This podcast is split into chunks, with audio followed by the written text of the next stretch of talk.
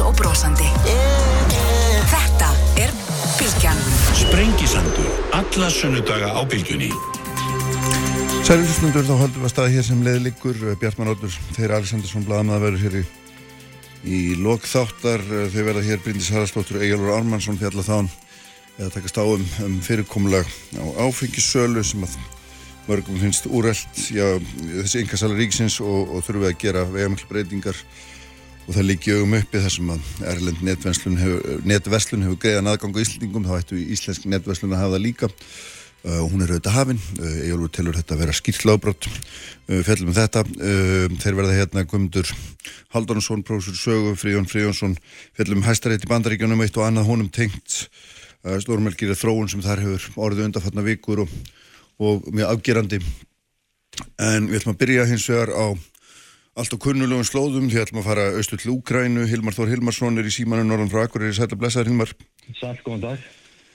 Sko við höfum náttúrulega oft sinnis rætt þetta áður og, og hérna og svona manni finnst nú þegar maður svona flettir fer yfir yfir miðlana helstu að svona þessi frettir af þessu stríði þar færast nú svona aftur og aftar í, í goggunuröðuna getur við sagt og, og þarna og smám saman nú eru fimm mánuðir bráðum liðnir frá því að þetta hófst og, og hérna og svona þetta er orðið endur teknika samt og, og ég veit ekki með annað. Svo er þá heldur Putin áfram og og milur undir sig Úkrænu uh, skref fyrir skref og, og hérna já, er þetta ekki bara nokkuð góð lýsing á stöðinni, hvað segir, hvernig, hvernig finnst þér svona þetta staðan vera? Jú, það er náttúrulega það sem er, er kannski erfiðast í þess að það er engin lausn í sjónmáli og svo fara náttúrulega Vesturlandi að líta á sína eigin hagsmunni það fara að koma vetur, það, það fara að líta sína eigin hagsmunni áhrif á, sem þetta hefur á efnaðsmál þeirra sjálfa, það fara að hugsa sjálfa sig. Og það er ekkit útlokkað að Úkræni verður bara fórnað í, í, í þessu. Svo náttúrulega bjargar það ekkit að það eru hver höndin upp á móti annari innan Európa-sambassins hvað er ég að gera í Úkrænumáli það eru löndi sem ég var nýlega kom, var í Ungverðarlandi og svo Pólandi ef maður tala við aðeila þar þá eru mjög ólík sjóna með það innan hús hvernig ég að handla þetta mál og hvað sem mikilvægt að sé. Þannig að það hjálpar ekki Nei, nákvæmlega það eru auðvitað það sem að Putin auðvitað hefur alltaf tíð vonast til það er að, að Vesturlöndin hérna verði svo ósamála einbyrðis að, að, að þau lamist? Já, það er líka sko, málið er það að ef þú skoður þetta út á Putin þá er hann að taka þarna svona kannski 20% af landinu og austurhlutan Donbass og svo er hann að taka þarna suðurhlutan og er alveg á leiðinni er hann olgast á Odessa. Það sem hann gæti gert verið að taka sagt, Donbass og síðan alla strandlengin að þetta hafi og þá er búið að lama algjörlega Úkræni sem hækjari því þá hefur hann ekki lengur aðgang að sjó og þetta land byggir að miklu leiti útrúkningi og þá verður hækjari bara svona failed state og verður bara mjög fátækt land og, og hann getur lístið við segrið þannig. Hann, hann kannski á ekkert svo langt eftir í það. Þannig að og það er líka líka um að því að Putin ger eftir þetta land held ég að séu mjög litlar að líkur, hann myndi aldrei gera það að landið er búið að sækja með alltaf erbjörnsamandinu og ef það er að fara þangað inn, hann vil hann að síðast, sem hann vil að þetta land fari inn í erbjörnsamandinu eða hvað þá NATO. Ef þú harfir á þetta frá, frá Úkrænu þá, þá er Selenski ekki með neitt pólitísk stuðning með neitt að gefa neitt land eftir eða semja raunverulegum neitt eða neitt og bandaríkinn, bætinn stendur ítla í bandaríkinnum að hann getur ekki samið við rúsa neitt sem að lítur út sem að mikil eftirgjöf. Þannig að þetta er svona, svo, þar, þar að ekki þarf að breyta stjórnarskrá Úkræni eða Úkræni myndi falla frá Evropasambasaðildu og NATO það, það, það er ekki alveg auglast hvernig þetta verður leist í, í náinni framtíð. Nei, það sem er alltaf áhugavert um að ég sá einhverstaðar tölur um það að, að hérna að sko úgrænumenn hallin á rekstri úgrænska ríkisins er ekstra um 5 miljardar bandar ekki tala á mánuði í augnablikinu. Og, og þarna það er ekki bara vopn sem vandar þá sár vandar náttúrulega peninga bara uh, tekiflæði Já sko að hagkerfi alþjóðabanki spáir því að hagkerfi drægi saman um, um cirka uh, helming á, á, á, á þessu á þessu ári Já. þannig að það er algjört efnahagshrun í landinu, algjört og, og, og eiginleggingin er gríðarlega mikil og óþægt og það er þess vegna sem manni fannst þegar þetta fór í gang að það borgaði sig að reyna að semja en það verður erfiðar og erfiðar að semja eftir því sem lengra lífur og maður verður varfið það að lönd til dæmis sem eh, sko nú var landið að fá aðvild að verður, verður candidate country eða, eða, eða samnings flokka sem að samlýsríki við Erbjörnsambandi ef þú til dæmis aðtúar með Ungverjaland til þess að ég var nýlega þá Ungverjar vilja miklu frekar styðja Balka, landin á Balkanskaganum heldur en Úkræna aðeins þennan, lendur svo Albaníu, Norður Makedóníu, Serbíu og Svartfjallaland. Þeir telja að þessi löndur eru búin að býða lengi sem svo ríki og hafa ekki fengið og tala ekki um Tyrkland sem er búið, búið, búið að býða síðan 1999.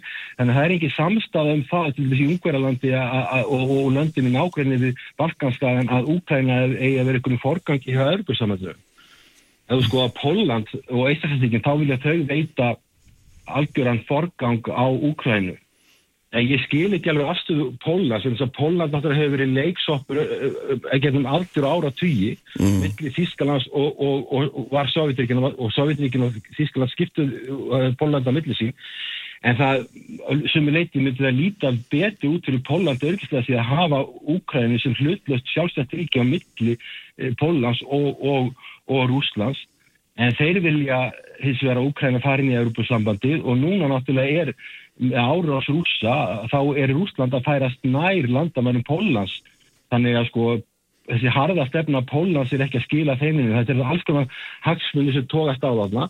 Já. og svo líka að þú sko að löndu svo Þískaland og Frakland sem eru að ráða mestur en Europasambandið þau hafa áhugir af því að þessi lönd sem sem er að komin austur-Európa lönd þau muni ná bara völdum innan Erbusambansins og þau eru með þau verka landsamlega langt, langt undir meðaltalinu og undir Þískalandi og Fraklandi að það veri mikla millifæslur frá ríkari löndunum til fátækari landunum og ríkari löndi standi ekkit vel. Ég minna Þískaland stendur ekkit sérstaklega vel Frakland stendur mjög illa Ítali er á hausnum.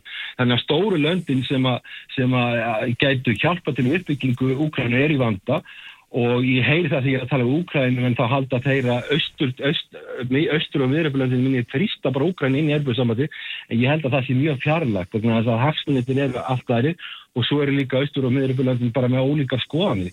Þannig að sko þetta er, þetta er ólega flækja eins og, og staðan er í dag. Já, einmitt nákvæmlega eins og dregur upp það er, það er rétt að það er, það er margir þræðir sem þurfa að koma saman og meðan einhvern veginn þá hérna þá gerist það náttúrulega sem að kannski, sko, í upphæfi var þetta mikið talað um Bart og þrek ukrainsku þjóðurinnar, ukrainska hersins og svo framvegs en nú eru þetta staðan orðin allt önnur því að það eru, er það ekki, mér skilst það að sé, hérna, ukrainum en telja þeir missi, sko, alltaf 23, 200 hermenn á dag í augnablíkinu og hérna og, og, og svona, uh, sem sagt Uh, hernaðar tap þeirra þarf að segja tap á, á, á þessum hernaðar tækjum sem þeir nota skrittreikar og, og brinnvarði bílar og allt þetta er, er miklu meira heldur en, heldur en þeir kannski gáðu upp í upphafi þannig að og margar af bestu sveitum þeir eru orðin með þreytar eða hreinlega búið að þurka þeir út. Þannig að það er svona staðanir auðvitað smám saman eins og ég kannski saði upphafi sko, það var smám saman hefur Putin áður með að að svona mörka lífið úr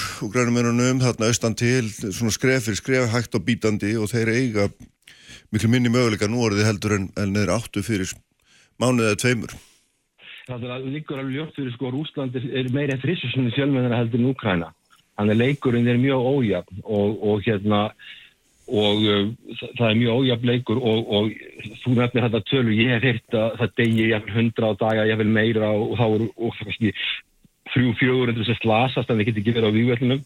NATO var búið að þjálfa held í 80.000 80.000 termen frá 2014 til 2022 áður í stríðið hófst og við getum bara að rekna hvað er þetta margir dagar ef kannski 400-500 400-500 hermen detta út annarkort þeir, þeir láta lífi eða þeir get ekki barist vegna þess að slasast í, í stríðinu þá er þetta eitthvað 160-200 dagar sem þessi 80.000 hermen döga og þá er spurningin fyrir að senda varalið. Hvenar, hvenar kemur svo tími að Selenski vitt fara að semja?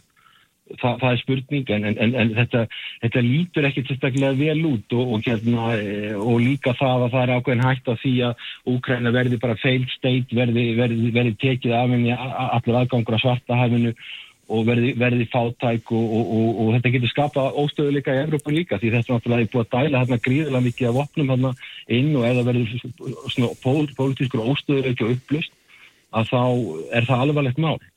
Og ég er ekkit sko maður spyrir, maður verður ekki að velti fyrir sér hvort að Selenski muni lifa það af að þurfa að semja um einhverja afarkosti sem eru framöndan og ég sé heldur ekki út frá sjónamiði Putin að hann muni sleppa austurlutanum og s- þeim hluta suðluta sem hann er búin að ná.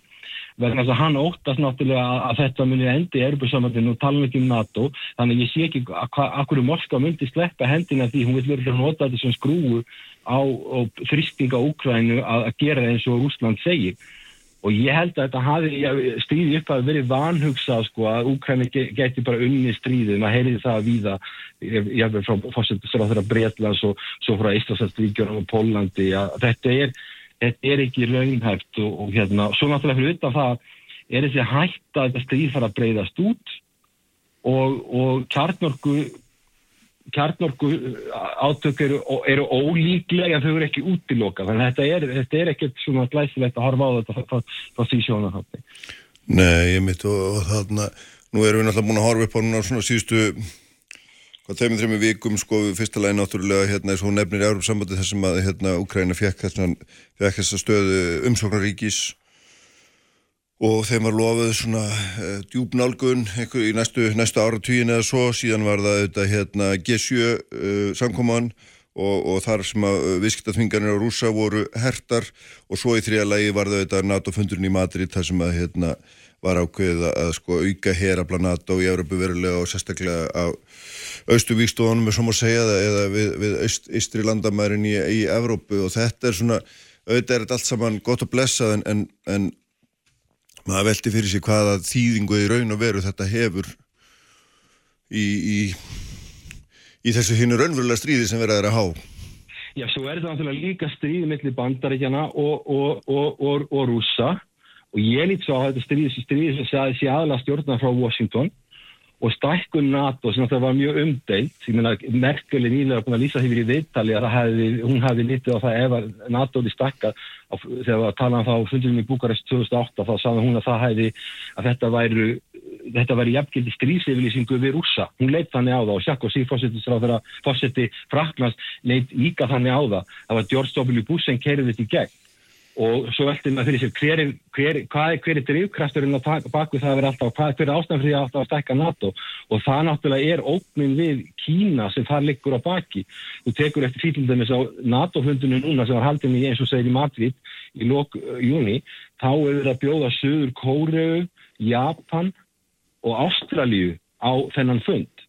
Þannig að fyrir bandaríkinn er þetta spurningum að veikja Rúsland og, og stækka NATO og nýta síðan NATO í baráttunni við, við, hérna, við, við, við bæði Rúsland sem núna komið í fangi á Kína og Kína. En þetta er svona líka geopolítisk mál, þetta, þetta er heimbalinn koma inn í þetta líka því að maður vekti fyrir sér sko hvata bandaríkjana til að standa í þessu vesinni.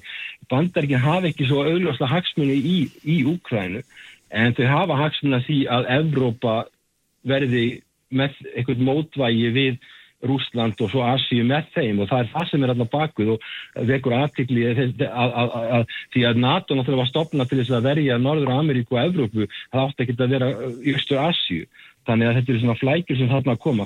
Raunverulega ef maður er að velta fyrir sér stríslokkum þá náttúrulega líka er það þannig að daginn sem að Biden segir eh, Selenski að, að nú, nú fara að hæja eða jáfnveil stöða á oplasendingar þá er þetta búið fyrir Úkrænu Þannig að þess að segja það að bandaríkina þegar þetta stríðar miklu ekki milli bandaríkina og Rúslands því því að án vopnasetninga sem að, að meg, megistofninu koma frá bandaríkina þá er þetta stríð bara búið. Já, það sem er alltaf líka hérna, í þessu samingi eru þetta líka áhugavert eru uppsingar um það að að framleyslu geta hergagna, hún er náttúrulega ekki ótökmarkuð og, og naturíkin vilja þetta halda bæði hérna, styrkja sinna eiginvarnir á þessum tímum en það eru hérna Uh, já, vilja gera það en, en, og get ekki á sama tíma auki framleyslu til þess að, að senda til Úgrænu þannig þar er líka ákveðin svona flöskuháls, þetta er mikið tal um vopnasendingar en síðan hefur þetta hefur nú ekki raunveruleikin verið sá sem að stjórnmálamennir hafa nú viljað láti veðri vaka oft á tíðum hvað þetta varðar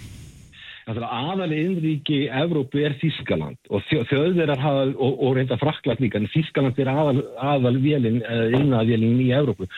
Þískaland hefur verið mjög trekt í að hérna, að senda vopp til Úkrænu og, og, og frakkar reynda líka mjög tregir í það og það breytar hafa verið með öðruvísi sjónamið en það er líka bara því að breytar, þau eru náttúrulega með háður úsum í orkumóla sem, sem breytar eru miklu minna en sko það er líka ástæðan fyrir því að þjóður að sjá fyrir sér á Úkræna sem er Úkræna er gríðilega stort land, þetta er helmingi starra heldur en Póland sem er mjög stort land að, að ef að Úkræna verður lögður úst algjörlega þá og hún fer inn í Europasambandið þó að það verði ekki strax hún getur, að því hún er kandidatkandi þá getur hún fara að fá einhverja styrki til uppbyggingar og það verði tæplega núna vegna þess að, vegna þess að það er stríði gangi í landinu. Þá sjá þjóður og frakka fyrir sér að þurfa að gríðala mikla byrði að byggja þetta sem bandaríkjumenn er ekki að hafa mikla ávíkja því bandaríkjumenn har ekki að byggja upp Úgrænu að neynir á þetta lendir fyrst og fyrst á Erbjörnsamhættinu og Erbjörnsamhætturíkjónum að gera þetta og þau hafa mikla ávíkjur og þau sjá bara fyrir sér meiri vott til hérna Úkræni bara þýðir bara meira eðilegging og framlenging á stríði það sem er ekki kannski svo mikil von og líka þegar eftir þessi stríði gengur lengra ef að rúsar eru fættin að sækja sér veðri eins og þetta er, þá verður erfiðar og erfiðar að semja þannig ég held að, ég held að þjóður að sjá ekki að tími sé að vinna með þeim í þessu. Bandar ekki að maður geta, geta farið frá þessu stríði og, kannski ég segi ekki glemti en allavega haft ekki mikla ágjörði en, en Evrópa og sérstaklega Þískaland og Frakland þessu stóru lönd sem að halda erbjörnsvöldinu upp í fjárháslega, þau geta ekki glemt þessu máli, þetta verður mun fylgja þeim næstu áratígi Já, að því í upphafi þá töldum við að tímin myndi vinna með kannski úgrænumönum en það er auðvitað að koma á daginn að það er alls ekki þannig, það er tí, bæði tím og peningar sem vinna með, með rúsum fyrst og fremst því að, að eins og við höfum verið að tala um að þá er úgrænska hagkerfi verið raun og verið bara að teki hverkataki og hérna og, og, og, og getur sér hverki hreift en rússar hafa hins vegar eins fyrirlegt og það er með alla þær efnahars aðgerði sem að gripi hefur verið til gegn þeim að þá hérna hafa þær ekki haft neina afgerandi áhrif, ég menna uh, orguðinnaðurinn dælir ennþá peningum inn í landið og Putin hérna verist bara alltaf að lifa þetta ágætla og kannski hann hafi bara sett þetta allt saman fyrir Sko Rúsland náttúrulega hefur orðið fyrir tungum áföllum, er einstaklega sínir það að aðnarsvinganir það skila takmarkum árangri og það er, það er við sérstaklega takmarka þegar við erum að tala um Evrópubandaríkin, erum að tala til dæmis að, að sko Putin hefur mjög góðan aðgang að Kína og Östur-Asju og, og lönd, löndum eins og, ég meina, Bríkslandunum, Brasilíu, Suður Ameríku, uh, Indlandi og Kína og þessi lönd, Bríkslandin, slaga upp í það að vera jafn mikilvæg efnanslega eins og allt G7-löndin til samans. Þannig að þeir, þeir hafa aðgang að, sko, Putin er, er ekkert, er, er, lítur ekkert illa út þegar hann hittir Bríkslandin, þessi, þessi stóru, stærstu nýmarkasríki í heiminum.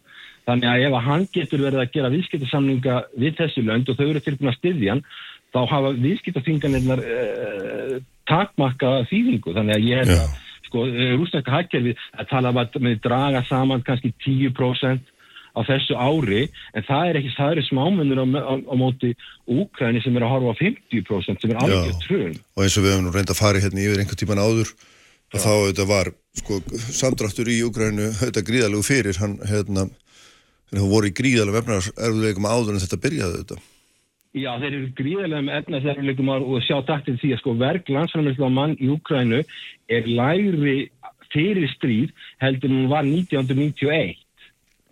Úkræna, við talaðum um þetta að Úkræna var verk landsframleyslu á mann í Úkrænu 91 var hærri í Úkrænu heldur en í Pólandi. Nú er Póland með þrýsásunum, var þrýsásunum hærri verk landsframleyslu á mann í Pólandi eftir 30 ár heldur í Úkrænu og nú er Úkræna það var nógu slemt, en nú er Úkræna bara að rinja með við það. Þannig að, að, að, að þetta lítur ítla út og hérna þannig að sko ég, ég sé ekki alveg hérna þess að það fannst mér í uppaf að það þurft að reyna að semja og, en það er bara og það sem er kannski mest kaltægn í þessu máli er það að að það hefði snöðlega, eða hefði verið sami 23. februar, daginn mm. áður en einast var gerð, Já. þá hefði náð samkómulag sem heimurinn myndi líta á sem eitthvað nöða samkómulag og væri mjög slemt samkómulag.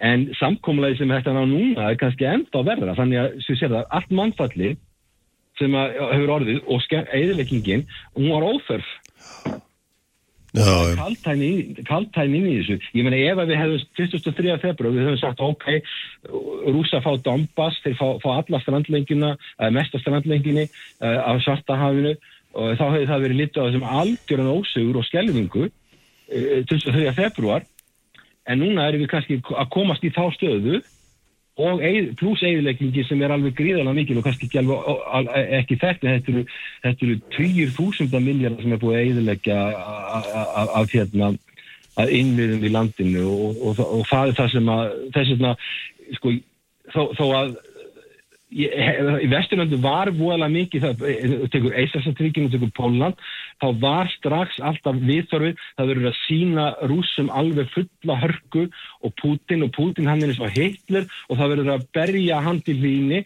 og það verður að vinna stríðið mm. þetta, þessi hugsun hún er alveg skiljanleg en það, það er ekki víst að hún sé skinsamleg uh, svona þegar maður fyrir að skoða þetta eftir hvað fjóra fyrir mánuði hvernig þetta er að þráast Já no. Nákvæmlega, það er hérna. Það fyrir margt öðruvísin ætlaði er svo ekki sín og dýbri árinni tekið. Já.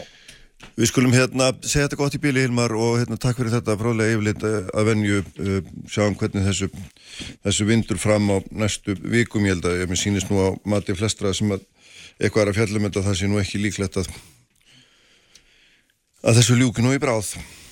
Nei það er ekki að fara, er ekki að, fara að gerast og, og, hérna, og svo bara myndast meiri pressa á Evrópu, nú er veturinn að koma. Og rúsa notuðu gertna þá taktík á Úkræni, ég því að var að fara til Úkræni, það var alltaf sagt sko, rúsa fara að semja við, við Úkræni þegar, þegar veturinn er komið fara að kóluna, þá fara það að semja veð á gasi sko, þegar að þegar það getur bara orðið óerðir þar að segja að fólk getur ekki kynnt húsið sín svo framvegs þannig að sko rússar geta nota veturinn til þess að setja skrúu á Evrópu og það, við, við eigum eftir að sjá að því það, það, það lítur heldur ekki sérstaklega vel út. Ljómandi, takk fyrir þetta Hilmar. Takk að Við haldum áfram hér á Sprengisandunum eftir augnablík um, þá förum við vesturumhaf við ætlum að fara til bandaríkjana fjalla þar um uh, mjög sögulega dóma hæstarétta bandaríkjana sem hann falli hafa undarförnum vikum sem að, uh, eru mjög svona stefnumarkandi um eitt og annað í því samfélagi. Þeir verða hérna Guðmundur Haldunarsson og Fríðjón Fríðjónsson. Sprengisandur Ábylgjunni Stefnumarkandi í mjög stóru málum. Þetta er náttúrulega fyrsta lagi þetta Roe vs. Wade mál sem er nú svona hefur verið mest í fréttum en þetta er líka mál sem tengjast sambandi ríkis og kirkju Þannig er náttúrulega mál sem tengast þessu umdeldu skotvapnarlaugjöf í, í bandaríkjónum og síðan um hverjus og loflasmálum. Uh, allt sem að reysa stóra meira sér að síðasta máli var nú þannig að það, þar var nú rétturinn að fjalla um reglugjörð sem var ekki eins og í gildi og enginn ætlaði sér að koma í gildi en einhvern veginn seildist inn í það sem sem aður og þetta er svona, ekki mikla, mikla aðtegli sko, hérna, sko, stjórnarskrona bandaríska byrjuð þar guður aðeins 1789 og svo eru allir þessi viðaukar og þetta byggist allt á því að tólka þessa viðauka Rófurs og Sveit byggist á því að tólka einstakningsfrelsis ákveði mm. í viðauka nr. 14 Já, sem að kemur reyndar 1868 já. eftir borgarstvíð en það er, e, það er svona eiginlega endur tólkun að finna viðaukanum frá, frá já, 1791 eftir einhvern veginn mann og ekki nákvæmlega hvernig það var endanlega samþýttur en sem að snýr þá að, að já, fyrir þelgi enga lífs en snýr eiginlega að því að já, að það segir sem sagt hann hljómar þannig 14. viðökin eh, eða sem sagt 50. viðökin hljómar þannig no person shall be deprived of life, liberty or property without due process of law og síðan kemur í 14. viðökin nor shall any state deprive any person of life, liberty or property without due process of law sem sagt að, að hérna 14. viðökin reynilega bætir þá fylgjónum inn í að mm. og þetta er gert út af, af uh, afnámi trælahalds og til þess að, að svartir myndu borgarar í bandaríkunum eh, sem eru nýlega búin að fá borgarrétt e, það mátt, fylgin máttu ekki, ekki svifta þá, þá frelsi sínu og e, sem sagt domstólinn þannig árið 1973 tólkar þetta þannig að, að, að ekkert fylgi megi sem sagt þá svifta konur þessum, þessum rétti til engalífs að, að rúfa þungun mm. og og það er síðan aftur setna sko þetta, þetta mál var þróaðistæðins, það er síðan aftur setna sem er það þá ákveðið hvað 92 mann rétt að þessi bætt við þessa tólkun þannig að, að hún hafi þennar rétt þanga til að fósturi getur lifað utan líka með móðurinnar, það er sem sagt talið þá að þanga til að það gerir sem er þá, hvað ég held að við talið 20. 24. vika meðgöngu, að fram að þeim tíma sé raunverulega þetta fóstur hluti að líka maður konunar og þess vegna fallið undir hennan. Já, en, en í upphæðu snýst þetta ekkit um þungurar og þetta snýst um frelsi einstaklingsins versus ríkið versus fylgin. Er þetta ekki, það er grunnstefið í þessum málum öllum? Jú, það má segja það, kannski, en þetta er samt sko, en þetta er pólitískt mál sem að snýst um rétt hvenna til þess að, og þetta er, sem sagt, þetta er afturhaldspólitík um það að reyna að svifta konur uh, það, þessum rétti, ágætt að við segjum hérna þrý kallar að tala um þetta, en hérna, Já, ég meina þetta er bara, er bara almenn mannréttind og koma Já, já. konum við jafn mikið á konum, þannig Já. já. en þetta, þetta Ég vissi að þetta kæmi.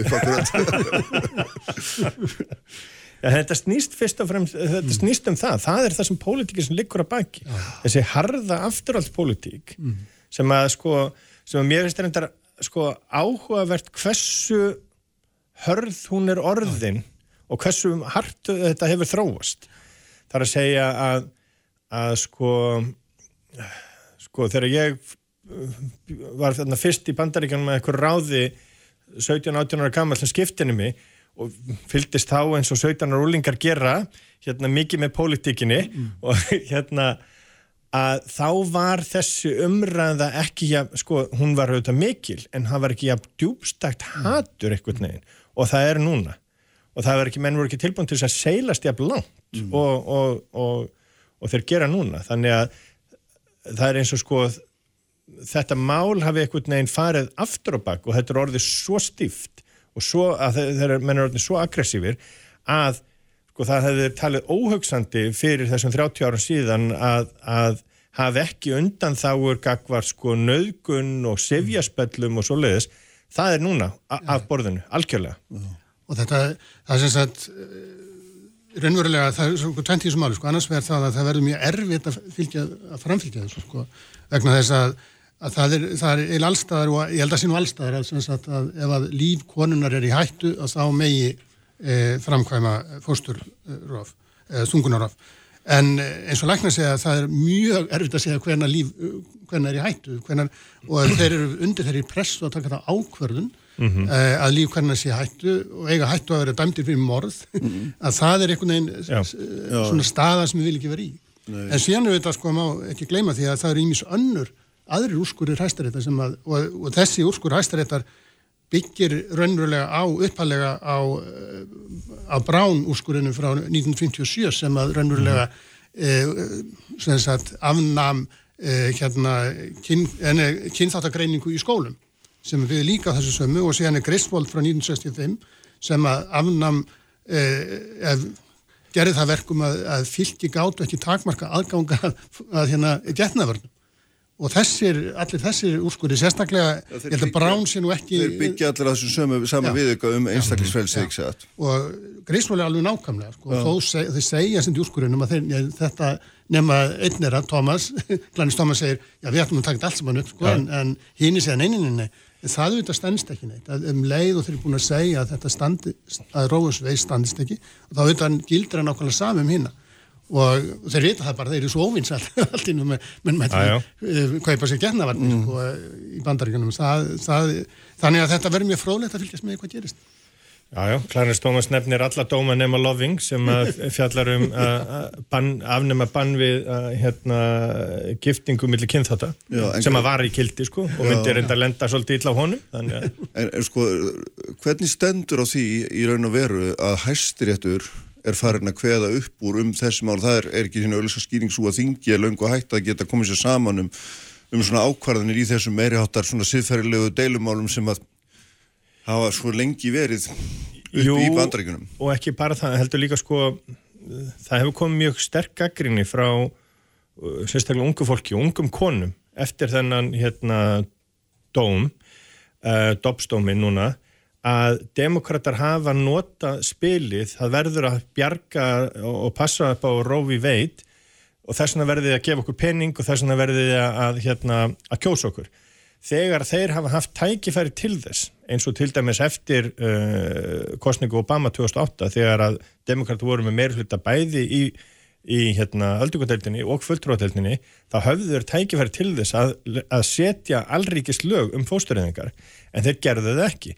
Jú, það var margt annað í gangi eins og efnahagshrunum allan heim og, og svo framvegis en, en hann hafði gefið þetta lofvörð í kostningabartinu og núna sér maður mikil, mikla reyði og sérstaklega meðal ungra kvenna yfir því að fá núna allt í hennu bara leið og, og dómurinn var fallin, þá komu tölvupostarnir. Þú verður að gefa 15 dollara til þess að við getum og þú verður að mæta og kjósa, það er endur veit þú verður að mæta og kjósa en, en þeim finnst og demokrater hafa nota þetta mál uh, sem svona triggermál til þess að fá stuðning, til þess að fá pening til þess að fá uh, atkvæði.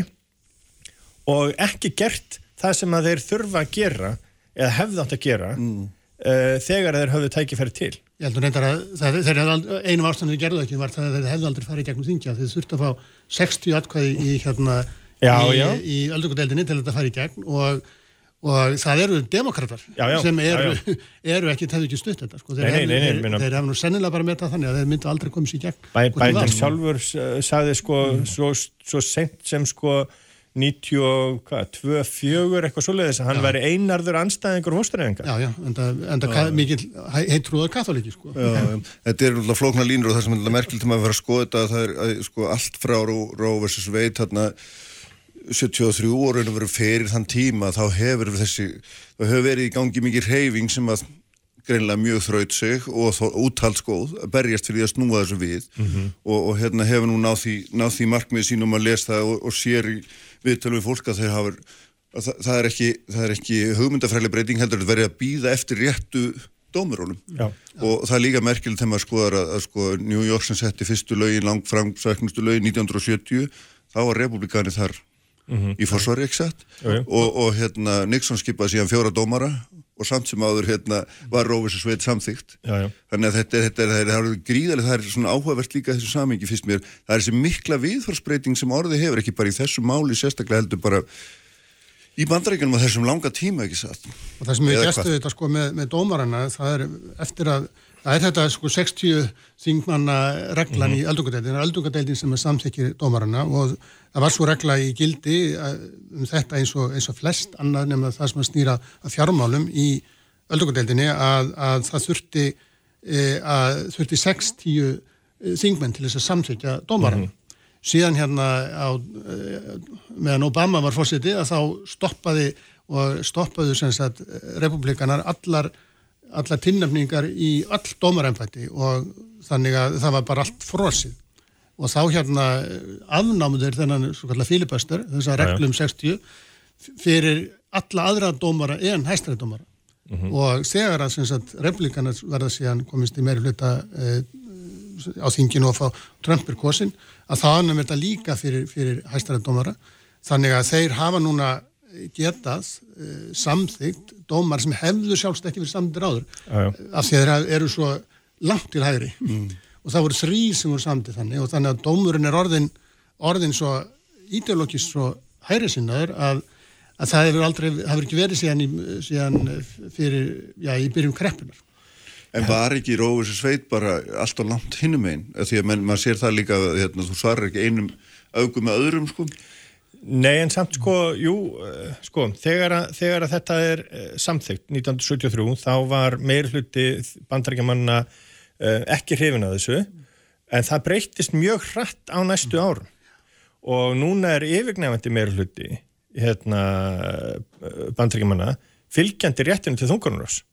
Uh, 60% er sko tala um 20. aðra veku þegar þeir eru spurður um, um þá og, og minni prósenta þegar það tala lengra og svo enn hærri prósenta þegar það verður að tala um 12. viku eða 14. viku eh, sem er svona svipað eins og var hér 14. vika eða 16. vika manni minni mig þannig að hérna að sko uh, viðhorfin hafa breyst mjög mikið á þessum tíma nema í þessum harða kjarna uh, Federalist Society kjarnanum sem að hefur síðan sko farið algjörlega omvend í hináttina og út af mm, kostningalögjöf og, og, og bara sagt, eh, áhrifum uh, ég myndi segja áhrifum svona hérna uh, dreifbíli kjördæma inn í fylgistingjónum að þá hérna eru republikanar gjarnan með sko meirhluta í ríkjum þar sem að sko meirhluti kjósenda samt sem aður er, er sko stiður hérna frálsendara viðhorf. Eh, bara eins og í Pennsylvania til dæmis eða Michigan þar sem að sko eru hérna þar sem að sko, þar sem að republikanar hafa mjög mikil áhrif á fylgjastingunum þannig að þetta er sko já, þetta er Já, já, það, og það er sko í sjálfu sér þegar að dómunum fellur að þá vakta hann ekki svo opaslega miklu aðdekli að, og, menn, það voru engar deilur um mikla Þetta meina 73 eða 73, já, já. Það er ekki fyrir að þetta tekið upp, það er Reagan sem að, sem að raunverulega eh, fer af stað með þetta sem gerir þetta pólitísku máli eða hans tíma og þá verður þetta meira og meira pólitísku máli þannig á En nýjönda Reagan hafði sem ríkistjóri í Kaliforníu undir þetta já. löggja um Já, þetta sem að þá þekktist og snýri við þegar hann ætlaði að vera fórsti að því að þessi svona evangelíski hviti hópur sem einhvern veginn sagði að þú til þess að vinna þá verður að hafa stuðning okkar eða þannig las ég þetta. Sko það sem að gerist bara í republikanaflokknum upp úr uh, 1964 þegar að, Equal Rights Amendment eða sem sagt na, löggjöfin, uh, Civil Rights löggjöfin var, var samþygt var að það verður viðsnúningur og uh, harða afturhald og íhald og nánast sko rasiska íhaldi sem að var óbáslega stert í demokrataflokknum, í Suðuríkjónum í, í hérna svona uh, klúkrus klan hérna uh, hópurinn. Hann færði sig yfir og no, byrjaði að nota sko réttindi ríkjana sem skálkaskjól fyrir það að- að koma með löggjöf sem, að vor, sem var gegn mannréttindum. Þannig að hérna og sá hópur stutti Reagan. Það er að segja að hann var þeirra hérna frambjóðandi. Ég, ég er mjög hrifin af Reagan sem fórsetta og hérna, ég held að segja engin fórsetta sem ég á- hef lesið jafn mikið um. En, en að bakjónu stóð hópur sem var ekkit sérstaklega geðslugur að mörgu leiti þannig að, að, að hann byrjaði jú að, að hérna að, að vinna með þeim hópi. Fyrsta tilnefningin sem er svona ofbóðslega sko miklu deilurum sem er hérna þegar að uh, Borg var tilnefndur 1987 og þá voru demokrater sem gerðu þá tilnefningu svakalega pólitíska og, og honum var hafnað og í staðin kom uh, Anthony Kennedy.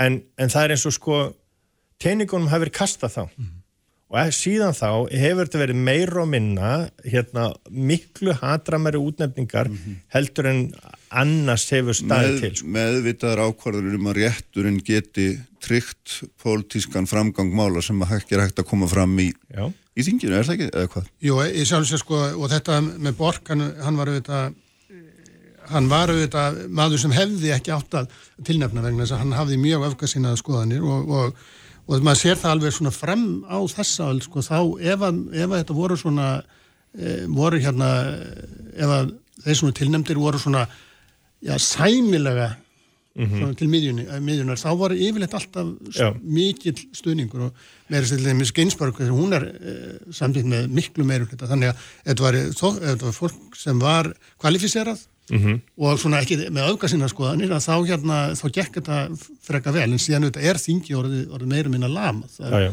núna eru, eru hérna dómarar sem eru eins og, eins og Galan sem að, sem að hérna, sem Obama ætlaði að, að tilnefna sem væri akkurat svona frekar til miðju uh, hérna dómari að hún er bara hafnað hún er ekki einu sinni, fær ekki einu sinni að ræðan sko. þannig, að, að þannig að er þetta málkomið í algjörðan hnút. En maður skoðar þetta, aðeins hægt að tala um Róðursveit og því mér langar líka aðeins að tala um þetta skotvapnamálið, en ef maður, ef maður leggur þetta saman, þá sér maður líka þróun sem er gríðarlega áhrif hagsmunahópa, lobbyista, það er að segja hérna, þeirra sem eru með skotvapna og, og svo náttúrulega þessa pro-choice, nei hérna pro-life hreyfingar á síðustu 50 árum, sem hafa náð alveg gríðarlegum tökum á bandarískum stjórnmálum, en er það ekki ein af stóru línunum í þessari sögu eða hvað? Jú, jú. Ég held sko, ég held að því miður að þá stefni í það að, að þetta, þessi bandaríkið að þau, þau, þetta getur ekki gengið svona til lengdar sko, að því að það er, það er, það er verða svo stjúpjá Já. á milli, eins, og- eins og að sagt er náðan á milli sem sagt sveitana og, og sérstaklega sveitan í suðri og síðan aftur borgarna, að þetta eru bara, þetta eru algjörlega tveir heimar sko sem að einhvern veginn, og ef að það fara að keira svona svona hart á þessu eins og hæstiréttur eru virðist alltaf að gera að, að, að í einu máli að þá taka er í völdina fylgjónum þegar það kemur að byssum Já, já. þá með fylgin ekki uh, setja lög ekki þrengja rétt mann alltaf að byrja skot nei, einmitt. og, og það eru þetta allt annað að bera byssu í, í neðarælast í New York heldur en á, á hérna á ransi í hérna í, í, já, í Nevada sko, ég meina þetta er bara þetta eru algjörlega ólíkar aðstæður og þú getur ekkit sett sömu reglum í þetta tvenn. Þannig að ef að þetta verður, verður stefnan að þá bara keira þetta honni kokja fólki. Þá... Það, það sem er sko svo áhugavert er það sem er gerast í þessari, sko það sem gerist í þessari skautun sem hefur orðið á undanförnum árum áratögum er það að fólk þekkir ekki lengur uh, einhvern sem er að kjósa í, í, í, er í hinu liðinu og þess vegna er svo auðvelt að sannfara fólkum að kostningarna séu hafi verið svindl. Vegna þess að þú þekkir engan sem að kaus hitliði og ég minnist þess sko að hérna að fyrir sko þegar að kostningarnar uh, Bush gegn Gore 2000 þá var að tala við konu sem að góðan lögfræðing sem að hérna var, ég var að vinna með heit ásmanaröndinu og hún sagði, já, mér fannst þetta bara svo skríti ég þekkti engan sem ætlaði að kjósa Bush. Mm. Jú, hún var í Columbia háskóla í New York það sem er sko, hún er New York borg það sem er svona 85-90% demokrata uh, kostning hún var inn í háskólasamfélaginu það sem er líka 85-90% sko, hérna, sérstaklega þetta komin í, í mestaranámið uh, og þetta er New York fylki líka, þannig að sko, já, hún hitti aldrei neitt sem var að kjósa Bush. Uh, og það gerir það verkum og þegar þú komið með sko hérna, fólk allstæðir í bandaríkjunum og það hittir aldrei neitt sem er kjósa hitliði mm. að þá er svo auðvelt að telja í trúum að þetta, þessar kostningar hljóta að hafa verið svindl þú, þú ert að draga svo úr uh, trúverðuleika kostninga og trúverðuleika líðræðisins og það er það sem hefur búið að gerast núna undanförnum missurum og sérstaklega eftir Trump-fakossin var að hann hefur aktíft og republikan hafa farið aktíft í það að draga úr trúverðuleika líðræðis uh, líðræðis ferilsins og það er það sem er stóra hættan við að bandarækjan liðast í sundur mm. og það er mjög áhugaverð grein núna í, í Washington Post viðtal við konu sem er búin að rannsaka eh, professor í University of South Carolina California fyrir ekki eh, sem er rannsaka og hefur skrifað um sko, hvernig borgarstyrjaldir verða til og borgarstyrjaldir, það hefur mjög mikið rannsakað mm. og fjármagna til dæmis af, af bandariskum sko, öryggismáli yfirvöldum, CIA og, og, og hérna að, að rannsaka hvernig borgarstildi verður. Og það er farið að tikka í mjög mörg boks í bandaríkjónum hvað eh, sagt, eh, tjekklistan eða hvernig borgarstildi verða. Þú ert komið með sko fólkundi vopnum þú ert komið með sko hópa sem að geta ekki tala saman og raunverulega svona af mennska hvern annan. Þannig að það er, það er hætta á ferðum. Já, og það sem eins og ég segi sko að, að kostningarnar eh, hérna árið 2000 að þetta ólíkt þar að fyrsta legin var þetta munun eða það munaði hvað 200 atkvæðum eitthvað svo leiðs 534 með mann þannig að það, er í sjálfu sér eðlilegt og um leið og, og hæstæltu var búin að, að kveðu sinn úrskur Já. og þó svo að, að, að Gór var ekki sam, sammál úrskurinnum það voru fimm dómarar sem voru skipar republikunum sem segja nú hættum að telja. Að þá sagðan ok, nú er bara máli búið. Já. En, en í kostningunum síðustu var ekkert, var enginn vafi að það, munaði, hvað, 8 miljón atkvæðum eitthvað, þannig að það var enginn vafi sko, en samt sem áður þetta haldið áfram og það er, og það er núna einmitt fyrir hæstarétti, er mál sem að, sem að hérna verður, verður þá kveð upp úr um á næsta misseri.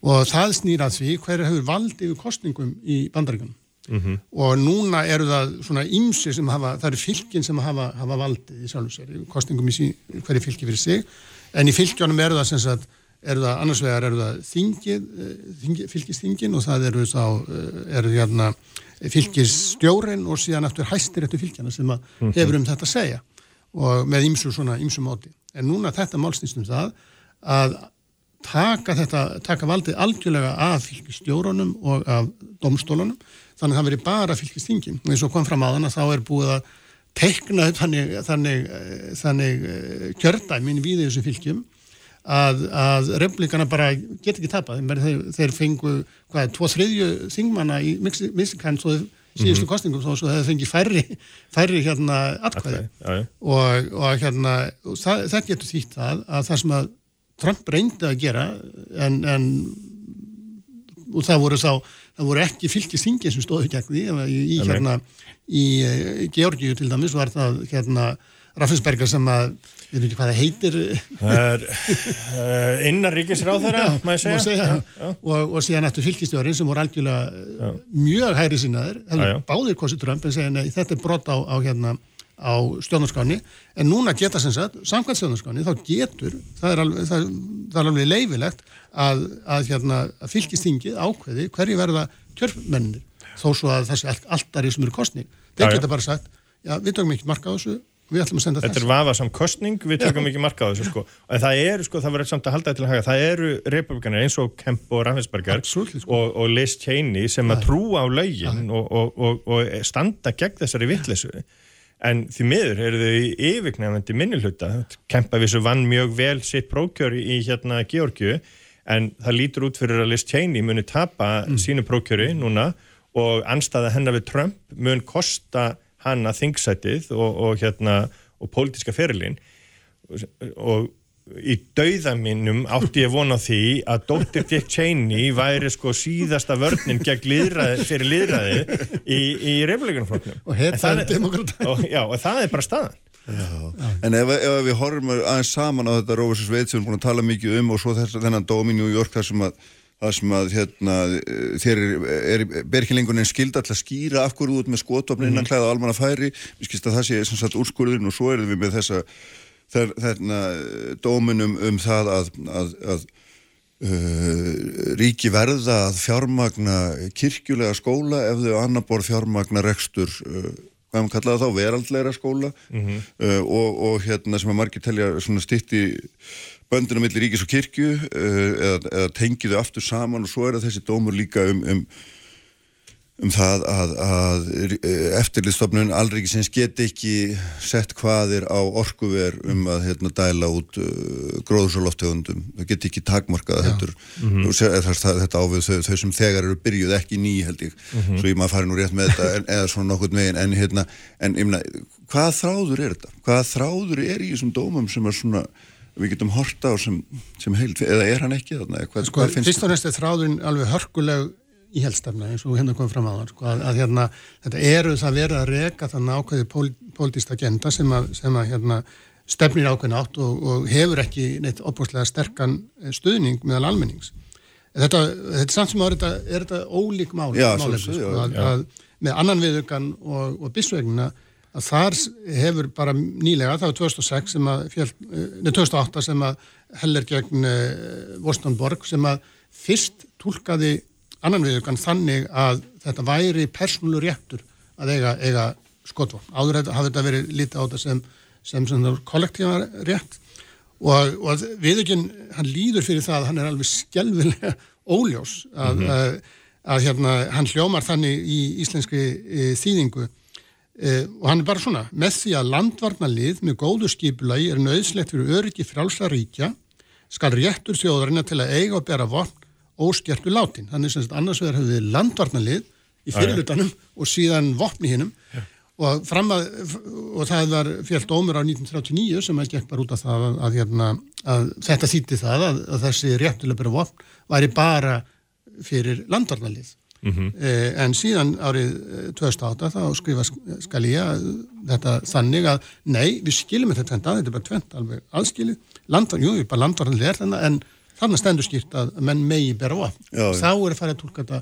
Síðan í 2010 þá er þetta vikað yfir allt landi og núna var bara skýrt tekið fram í þessum dómisefjall núna að, að það mætti ekki, þetta væri stjórnarskapbundir réttur og þannig að það mætti ekki skerða þennar rétt þetta er allt sem að tólkan í sannsum áður og segja sig að við erum að bara gera þetta stendur hana en það, bara, það getur aldrei verið þannig að bara standi hana því að Nei, ég hef alltaf búið að tólka þetta fram og tilbaka þetta. fram til 2008 hafði þetta verið tólkað annan átt en núna allt innum fann tólkað og þá er þetta stjórnmjöðsréttur og þannig er Já, ég menna þú veist það er verið að tólka meiningar löngur látina manna sko og, og, og festa sér í komusetningum. Og, og bókstafstrúin sem að þeim eitt sko uh, Skalja stóð fyrir sem að núna að Lító og Tómas standa fyrir, hún er hún er eiginlega alveg skelvileg vegna þess að þeir eru komnist það langt að ef það stendur ekki beint í stjórnarskránni þá hefur allrikið engan rétt til eins eða neins mm. og við erum í svolítið öðru þjóðfélagi mm. heldur en var þarna, heldur en þegar þessar reglur voru settar, hvort heldur var frá 1790 eða til 1868 þá er bara samfélagið allt annað og við vissur, vissur allt öðruvísi og svo framvegis sko. þannig að hérna þetta, þetta er bara pólitík. Þetta er ekki, mér finnst þetta ekki vera lögfræði. Þetta er bara ofbóðslega þung og, og, og, og aggressív aftur, mér finnst þetta ekki eins og íhaldspólitík mér finnst þetta afturhaldspólitík En þeir sem að, þú veist, þú þetta er ekki lagfræði segiru en, en, en þá segir við á móti býtu þetta er kjörin að fulltrúa fjallum sem að álun ekki dómstólan að taka stefnumarkandi ákvarðanir í málum sem þessum En eins og túlka- hefur, já, já. hefur En- gert er það ekki En, já, eins og tíðina. tók annan við þá er þið búin að segja nei. Nákvæmlega. Lögin, í, lögin í New York fylki eru en 100 ára gömul. Og þau voru sett sko af lögjafa þar. Þannig að, hérna, að, þannig að það, það, er, það er eitt og svo er hitt annað sko. Já. varðandi síðan sko EPA-dómin eða umhverfstofnadómin það hann er meira ég hef meiri skilning á honum vegna þess að þar er rétturinn að segja lögjafinn hefur ekki falið, það er ekki laga heimildir fyrir þessum reglum sem að umhverfstofnun og aðra stofnanir eru að setja fyrir allríkið allt. Þetta er uh, þings, bandaríkja þings að fela lögjafanum uh, hérna, þeir tólka uh, þeir hafa tólka sko löggjöfum hérna reynd vatn og, og, og reynd loft með þessum hætti að þeir hafi mjög viðtakar heimildi til þess að, að, hérna, að setja reglur. En þarna er rétturinn að segja nei þið verða að fara til lögjafans lögjafin verður að veita ykkur þessa, þessa heimild. Og, en, og svo er þetta lögjafinn sem er algjörlega ónýttur meðal annars vegna þess að út með 50-50 í, í öldungadeildinni og það er með Joe Manchin sem er hérna sem er sko á hluti í kólaverk hérna, uh, kólanámi og fyrirtæki í kólaðinaði þannig að sko, og mun ekki gera neitt til þess og, og, og ríkið er kólanámu ríki, hann mun ekki gera neitt til þess að, að draga úr notkun kóla Nei, nei. og þetta, og, ég, og dómurinn gekk heldur ekki nærri eins langt eins og hann hefði geta gert. Já, já. Hann hefði, þannig að þessi dómur er, er svona meira í inn í anda þessari mynd sem við erum að Já, Já, já, en það skrifar hann álitið sko.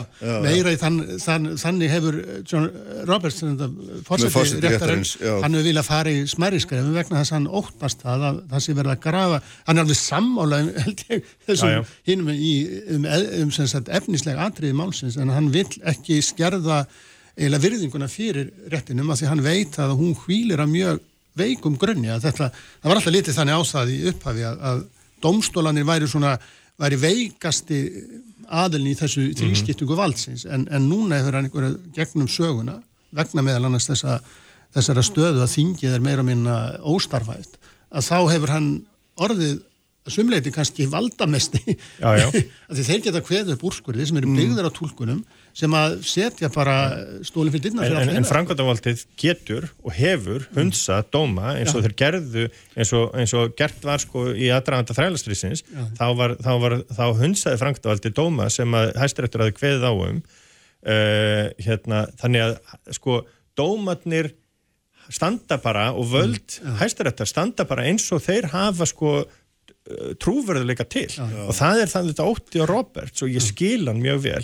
Þegar þegar að sko hérna, þegar að sko hérna Alito og Thomas fara að stjórna ferðinni að þá er þetta komið svo öðbærslega langt frá því sem almenningur og það sem að sko fólk almennt vill að það grefur undan trúverðuleika og trösti á réttinu Já, já. og það er það by- byrjað að gera núna. Já, ég maður sér það að tröstölunar eru konarnir í fjórðung, eru um 25% Já, já. og hérna það sem er alltaf merkil líka um kannski ekki drætt en það er alltaf mjög áhugavert í þessu að fólk eh, velst í hennan rétt er samþyktin í hann og situr síðan læfiloka eða ef, það, ef það vill það. Og þú sér með, og með deyr, deyja margir í embætti og hérna og, og svo er þetta bara nýju mann sem að og það er gríðalega mikið eftir því hverja skoðuna þeir eru greinlega, það er alveg augljóst og, og, og, og, og maður sér að demokrater eru mikið að hugsa um það ekki að hvort þeir geti fjölgað í réttinum eða, eða það- og svo er það talað alveg, um sko. að dómararnir er sjálfur að setja sér einhver mörgum sem sagt, hvað maður segja, tíma, tímamörk til þess að sitja í dómunum en þetta er allt saman ef við sjáum bara manni eins og, eins og Clarence Thomas sko, sem, að, sem að lengst af sagði aldrei neitt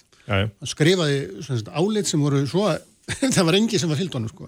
Núna er hann bara orðin svona mainstream í, réttinum Já, já. og hérna og, en hann er það ekki í, í hérna í svona alminnisálitinu og, og ekki bara það hann er svo, hann virðist vera svo fullkomlega laus við alla svona almenna siðferðisvitund að, að maður bara, maður, maður bara hissa sko, eins og þú sagðir áðan að hérna eina sem hann vildi ekki hætta við af þessum sem að hann á 14. greinni að, að það var giftingar sagt, fólks hvítra og svartra af því hann er sjálfur giftur hvítri konu. Konan hans er hérna aktivisti í, og hefur verið að styðja Trump í, í málum hans um, í kostingamálum hans. Það kom fyrir e, slíkt mál fyrir hérna hæstarétt. E, áttadómarar hendus út, hendus út. Eitt álið og það var Clarence Thomas sem vildi taka málið og ég meina það er svo augljóst Hagsmann áreikstarinnir eru svo augljósir og hún er aktivisti og ég menna eins og það er að koma í ljósi í, í, í, í rannsók hérna, þingnefndarinnar um uh, 13. að hérna í fyrra að hún var mjög virk Æ.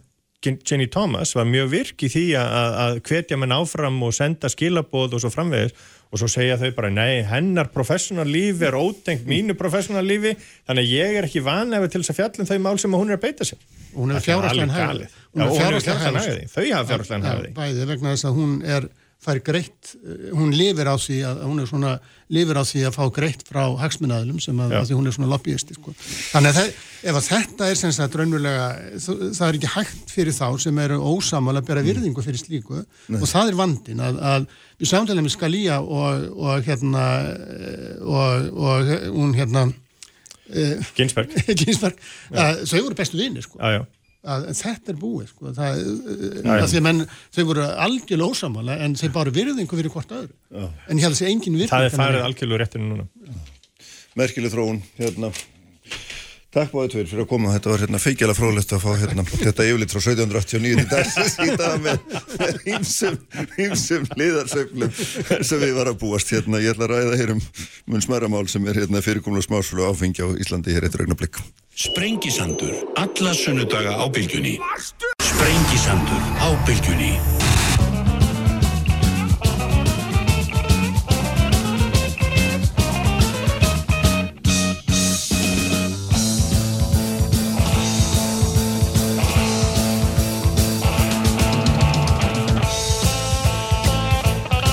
Sæli afturlustundur þeir eru farnið frá mér uh, Fríðan Fríðansson og Guðmundur Haldunarsson eftir fróðlega yfirferð hér um, um hæstarit bandaríkjana og ímsa ímstu mál sem að, að hans nerta uh, Bjartmar Ottur Þeir Alessandarsson Bladamar stundinu verður hér lokþáttar en sestur hjá mig Bryndis Haraldsdóttir Alþingismæður og í símanum er Ejólur Ármannsson sömulegis Alþingismæður hjá flokki, flokki Fólksins Bryndis auðvitað hér í sjálfstæðarfloknum svo þessi nú, þessi nú sæl bæðið tvö, velkomin Sælli Ólur Já, blessaður, blessaður. E, Sko, mér langaði aðeins til að ræða við ykkur um mál sem hérna fórdaldi fyrir núna undir, undir lok hérna, undir lok þingsin sem eru þessi er, eru átökum um það hvernig við erum að haga smásölu og áfengi og við erum þetta stödd þar að það er búið að samþykja leifi fyrir fyrir smáframlendu til að selja á framlegslu stað upp að einhverju svona vissu marki. Og, og síðan erum við að takast á um það hvort að megi selja áfengi í íslenskum vefveslunum sem reyndar er að mér skilst heim, erlendu vefveslunum heimilt að selja áfengi í Íslandi, flytja það heima dyrum en við heimilum í Íslandingum ekki gera það. En þú segir Ejólfur og ert með alveg skýrum það að, að vefveslun meðan að lögin er eins og þau eru sé brot á lögum um engasölu eða engasölu áfengs og tóparsveslunar ríksins, er þetta ekki rétt skiljað mér?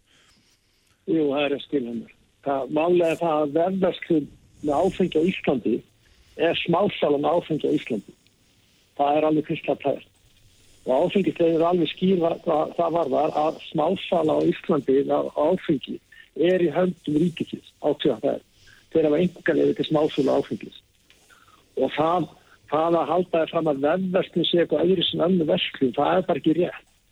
Það er alveg kristaltært að netbíl, vefverslu, þetta er bara plattform, þetta er bara samskipta verktakur til að panta vörð og salan á sér stað þar sem varaði aðhend og það haldaði fram að erlendur aðeins getur verið að selja áfengi í Íslandir ekki innlend segjum að það væri það væri svoleiðis, þá er það skýtt brot á öðarsannu líka.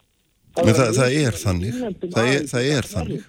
það er þannig, er það ekki? Já, það er bara, bara réttaröskli þegar það er ekki að taka á því máli sko það eru mjög þunga refsinga við brotum áfengislunum, það er alltaf sex ára fangilsi við brotum á þessum lögum og þetta er mikilvægt að líða þessu lögja landsins og, og því lögja er það bara utan um, um þetta engalegu og það er meira sem tekið fram í, í, í lögunum um það að það er peningtætti ávinningur það skulle fara með það eins og sanga tekningalum út, út af peningtætti ákveð sem er líka sex ára refsing Þetta er, er gróf brot. mm. Og það, ég get ekki ímyndum annað en þetta færið í dóm að það er við kræðið samfélsefsing. Það einhverju sko, það er, á ESA-inu er engin munar innlöndum erlendum aðeins. Og ég, ef að ég er sko, að það er að mismuna erlendum innlöndum aðeins, það var það var að laga framkvæm. Það, þá er það kraftbrot á ESA-inu líka, ofan allt annað. Ríkisvæðið er að brjóta á ESA-inu, gaggar innlöndu aðeins Mm og það er það sem er líka hann undir, það eru innlendir aðræðlega selji, ég set allan nokkana heimasíðu sem eru innlendar og ég setja heim, heimköp sem kom í þetta, eitthvað sem er samt.is og sumar sem að hafa með þess að lager áfengis á Íslandi. Og það er alveg skipt í áfengislögunum að þú þarf að fá leiði frá ríkinu til að flytja en áfengi í atvinnuskipi og það eru líka brot þar að flytja en áfengi í atvinnuskipi til að selja sínu smásölu sem er annar brot þá er það líka brot. Og það haldaði fram ég, þessi, þessi, áraður sem búin að vera rúm eftir að eftir að tingiðu lauk og þetta lagafram má ekki fram að ganga er alveg við þeim ólíkin dag eftir dag var að segja að veri lagóvissa menn var í starftólum að byrja og það er að vera óvissa í gangi það er engin óvissa það er bara framkvæmlega framkvæmlega sér lög og það er náttúrulega ákjærandi byrja ákjör skilta þess að til þess að þeim sem er að brjóta á Já. því en að þau eru klótið lögum til viðinu Ejólfur, skulum hérna að leifa brindi segja sem þetta marg sem framkomi hefur hérna, er þetta tóm minna, eins og þetta staðan er núna? Er verið að brjóta lög fram og tilbaka og við nennum bara ekkert að gera í því? Nei, ég get nú ekki sagt að ég deili þessum áhyggjum Eyjóls en sko það er alveg rétt að við töldum mörg að það væri kannski einhver lagalega óvisa þess vegna ymmit uh, flytur Hildur Sverrisdóttir þetta frumvarp um vefuslun á áfengi og ég er einna meðflutnismörnum með því. Og þar förum við ymmit aðeins yfir það í greinagerðinni því ymmit eins og Eyjólfur kemur inn á að þá óttust við að það sé brota á EES vegna þess að erlendir aðeinar geta selt áfengi til Íslands Já. og við skulum aðeins sko fara lengra, ég held að sé í kringu 95 það sem voru gerða breytingar á lögunum sem fól í sér sko uh, það að fleiri gáttu fluttin áfengi og engaðarlega gáttu fluttin áfengi þannig að hafið þú fe- ferðast þá til Ítalíu á einhverjar vínekrur og Já. vilja taka með kassa rauðvinni heim Já. þá gastu það, Já. þú bara fóst í gegnum rauðarliði og borgaðir að því töllu á gjöld og þetta er hægt, hefur verið hægt að gera allan að tíma svo þetta breytist tími, segjum að þú hefði nú ekki haft tökku á að fara til Ítalíu en þið langaði aftur í þennan kassa af víni, þá gastur hringdi þennan viðkomandi bónda og beða hann um að senda þér áfengið, Já, já. fengi það sendt með postinum, auðvitað borgaði því öll töll og gjöld. Svo bara breytast tímatnir og allt í nú eigum við núna til þetta plattform eins og eigulfur orðara sem er vefverslun. Þannig að núna myndir maður fara inn og bara fara inn á vefsíðu bóndans í Ítalíu og kaupa þannig áfengi og fá það sendt heim. Svo þetta verður þessi gríðarlega sprengja í vefverslun í kringum COVID. Og aðilar fara auðvitað að þróa sig að þessu markaði og þannig að núna erum við bara komið breyta stöðu. Ég, ég skal ekki segja hvort þetta stangist á við lög en það er, allavega verið að framkama þetta núna með þessum hætti hér með íslenskum söluæðlum líka. Og þeir eru þá að láta reyna á lagakerfið og ég held að það sé þá meira hlutverk mín og Egil's og okkar sem að sittum á lögjáunum að laga og aðlaga löggjöfuna að þessu En breytta það er ennþá í gildi, er ennþá í gildi lög um engarétt ríkisins til þess að selja áfengi á smársulmarkaði. Ég meina það er algjörlega ótvírætt að þau eru ennþá í gildi. Já, ef þú spyr mig þá segi ég því miður. Já, já, ég að veit, ég- ég veit, en, en, en þau eru það samt sem áður, hvað sem þér finnst um þau. það er alveg rétt, það, það er alveg rétt, það er svoleiðis þannig að þess vegna hefur verið svona ákveðin lag á þess þess vegna voru við til að mynda að gera breytingar núna á lögunum sem fóli því að framleiðendur, litlir svona ör framleiðendur á Íslandi gætu selt beint frá hérna sínum framleiðslustað. Og það var breyting á lögunum. E, það var nú mál sem fór í gegnum nefndina sem að ég og Eyjólfur sittum sem formaður og varaformaður fyrir, ég veit að Eyjólfur var ekki sammála þeirri afgjörslu, var með sér álit á því en það var mikil eining í þingsal og mikil eining í, hjá þingum öllum að gera þá breytingu og ég lít svo á að það hafi verið óbúslega jákvægt skref Þau lög gilda svo satt jafnframt engasöluleifinu, er það ekki einhvers konar móts? Já, það, það er í rauninni svolítið þannig, það er engasala en þó er viðukent þessi, hérna, þessi frávik að þeir sem framlega geti selt frá framleiðslu stað og svo þarf að setja reglugerð og það geta verið svona einhver takmörk á því hversu mikið þú mátt kaupa og, og einhver krafið þetta á framleiðendur og annað þess áttar og sveitafélagi þarf að veita sína heimild og svona. Þannig að við erum auðvitað með þessu að feta okkur eitthvað skref og ég held að það sé nú stóra málið í þessu. Og- En mér langar samt líka að taka fram út af því að Eyjól nefni hérna áðan það sé svona kannski stæðsta sko hérna líð heilsu löggjöfun okkar. Ég er ósamála því en ég er algjörlega á því að áfengi er ekkit eins og hver önnur neysluvara og ég held að sé mjög mikilvægt að við höfum einhvers konar regluverk í kringum áfengisölu en líðhelsan okkar, það held ég að sé nú eitthvað miklu starra og meira sem við eigum að bregðast um með öðrum hætti heldur en því að skikka uh, ríki sjálf til að hafa starfsmenn til að selja áfengi. Eins og í því felist einhver óbúslega líðhelsa að það verða að vera starfsmæður ríkisins sem seljiði flöskuna en ekki starfsmæður engaðela.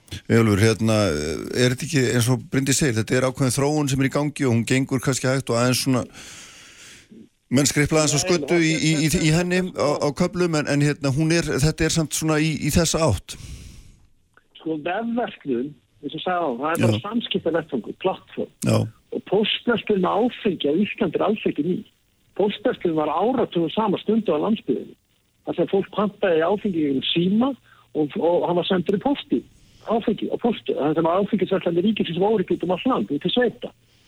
Það var stundu áratugum saman og það allt í að að að það er fólk að panta í gegnum vefin að þá sé að komið ykkur grundarla bylting. Það er bara, er bara ekki þannig. Vefverslun átvöðverð, það er eina lögla vefverslun á Íslandi. Það er að segja að fólk stær á átvöðverð.is eða vinnbúðum.is og kaupir áfengi gegnum vefverslun þar. Þetta er nákvæmlega sama að fyrirkomulega er í Nóri, Svíþjó og Finnlandi. Það pantar þú áfengi gegnum Nóri, eða það er að hins vegar alveg rétt. Þú getur sjálfur kemst áfengi erlendis og farið gegnum rauða eða græna þau. Það er alveg hægt. Það er bara einstaklega sem gera. Það er grundallan andrið. Þetta snýrum á Íslandi. Vefverslun á Íslandi sem er óluleg. Það er að framfylgja þeim lögum. Og það er að halda það fram að þetta sé úrast fyrirkomulag. Það er engin vilji til að breyta sig á hinum, hinn á, í Finnlandi, Nóri og Svíþjóð. Og það ég líka tekið dæmi, það eru 17 ríki bandaríkja, þar er ríkisengar, þar er áfeng, það það eru state control, eða ríki, fylkin, eru áfengisöfum state liquor stores. Það eru mismandi, með þess að líka söm ríki líka á heilsuðu. Og þetta er, þetta, er- menn það var ekki auðvitað engu sem voru með bannáriðna og þú var áfeng bjór bannað á Íslandi í áratugum sama þegar þetta er með sérstak. Og ég held til að núrandi fyrirkomlega sé bara mjög gott, það er lítinn áfengisveitla ungmenna á Íslandi og annað vil benda og við, ég og Bryndið fyrir bæði þarlaðanum að Íslenska ríki, það hefur ekki einu sem duð að reka áfengisjúkrús. Íslenska ríki, það er SRA, það er samtök áhugamanna sem er að reka áfengisjúkrús á Íslandi og það er bara hálf fjármagna. Það vantar 30% upp á þessi reki að fulla af en þetta semst, snýst hjá þér ekki bara um lagafyrirkomlega heldur er í grunninn ertu bara þeirra skoðanar það eigi að takmarka aðgang að áfengi og punktur. Já, já, þetta er tveit. Ég tel að við erum að framfylgja okkar lögum núna, þessu er í dag, og gera það með réttum hætti og þeir sem að bróta þau lög, eða sæta rétt með lögum til viðlögum. Ja, og svo er þeim spurningi, pólitíska, á að breyta svo ekki. Ég tel að við höfum alveg gríl fyrirkomuna og það fylgja hinum, hinum Nóri, Svíð og Finnlandi að það sé bara ágætt fyrirkomuna að þetta varða. Við höfum að í þessu og við ættum að auka fjármagn til að SA á bara 300 Já. miljónir til að geta rekið til sjúkrahús og við höfum að full fjármagna það. Já, við skulum lega, við skulum lega Bryndís að komast Ég, þarf að rífa þetta. Og annað, Ég tel að lögkjöfið varandi sölu framlýsistaf. Ég segja það minnum þetta aldrei minni og tek undir með minni, hérna, það, það stendst ekki eðaslökjunni frátt að að binda sölu framlýsistaf. Er sáttmál, innfyndur, framvindur, framvindur og eða við munum þar að segja, erum við ekki líka fórsalega með sama fyrirkomulega. Já, akkurat. Skulum lega Bryndís að bregðast við þessu hérna sko, já, já Já, ég meina, eh, sko, Eyjólfur nefnir hérna Nóri, Svíþjóð og Finnland, það er nú ágætt að, þú veist, nefna það, við erum þó að fara finsku leiðina með sölu á framlýslu þannig að það er svo lögjur sem þar hefur verið í, við líði í eh, einhver ár og það hefur allavega ekki verið látið á það reyna og fólk hefur þar ekki talið það brjóta á EES-samningnum. En sko aðeins varðandi þetta með vefverslun og annað, sko hvort að löggan ætti nú að fara að elda þessa aðila uppi og það ætti að fara að ákjæra þá, e, það verður einhver aðrir að dæma það en, en ég, en ég sko myndi nú segja sko út frá forvarnagildinu út að ég alveg nefnir hér, við höfum náð alveg óbúslega miklum álangri varandi unglingadrykju þegar ég var unglingur þá var miðbærum fullur af sko bara börnum börnum, já, já. og bara sem betur fyrir þá sjáum við það ekki núna. Við aftur á móti vitum það að sko uh, hvort sem það sé sko vefverslun eða hvers eðlist það er á sko áfengi til ungmenna og fíknefnum til ungmenna viðgengstefna. Ég veit það að 17 ára sinni minni hafa sagt mér það bara, heyru það er bara ekkert mála nálgast þess efni bara með einu símtali eða einu klikki á Facebook mm. eitthvað. Þannig ef við ætlum nú að tala um hvað lauruglan að gera þá myndi ég nú mjög gerna vilja að slíkt væri upprætt því þar held ég að sko vandin liggi. Ég hef ekki mikla ráðgjör á því að drikja fólks aukist almennt eða þar alveg drikja ungmenna þó að opna sér fyrir vefverslun. Ég held þetta snúi frekar að því að þetta sé verið að auka fjölbreytnina og að fólk sem að hefur tekið það ákverðin að neyta áfengis geti náði það áfengi sem það kýst eða mm, svona uh, fjölbreyttari hætti. Þannig að þarna hef ég nú ekki verulegur ákjör en aftur á móti er það alveg rétt hjá Eyjólfi að meðferðar úrræði hér á Íslandi og svona heildstæð stefna okkar í fíknefna málum og meðferðamálum í því, þar held ég að sé ábóta vant. Við hefum alveg óbúslega flotta stopnun sem heitir S.O.A. sem rekur sko glæsilegan spítala, vok og, og önnur meðferðarúræði e, það, við erum alltaf ofta að rífast um fjármögnun á því og, og við þurfum að gera betur í því en við þurfum að hafa heildstæða stefnu í þessu málaflokki og því hef ég kallað eftir og ég vona svo innilega að við náum árangur í því því það er ekki bara S.A. sem að hefur verið að vinna í þessu málum heldur fleiri aðilar auðvitað er bæði landsspítalinn og heilsugjastlunar að sinna einhverju en mikið af svona þriðja geiranum sem er að sinna þessum verkefnum og hafa verið að gera það mjög vel. Og ég held að ríki þurfa að hafa svona heildstæðari stefnumörkun í þessu og það sem er alveg ljóstir hvaða þjónustu verið er að kaupa af þessum frábæri aðlum sem eru að veita þjónustun og sé gott eftirlit með því. En, en sko, uh, þú sem, sem alþingismæður og hérna, hluti á lögja á samkundinni sem að við teljum að sé æsta samkunda, samkuma hérna, þjóðarinnar, sko, nú er þetta þannig að hérna, veist, bresk netverslu með áfengi, hún auglýsir sig, hún auglýsir að við séum sérli gen, en hún auglýsir 30% lægra verð nýja vinnbúðin. Mm þetta gerir hún bara ofinbarlega og segir að það er ekki ólulegt að auglýsa þetta svona. Við sjáum að allir bjórframleðendur auglýsa 0,0% bjór þó að þeir eigi bara 6 flöskur á lagar ykkur staða landinni sem þeir vita að þeir mun aldrei selja. Og svo framvegs og svo framvegs og við sjáum að hérna, vefverslun er í fullum gangi.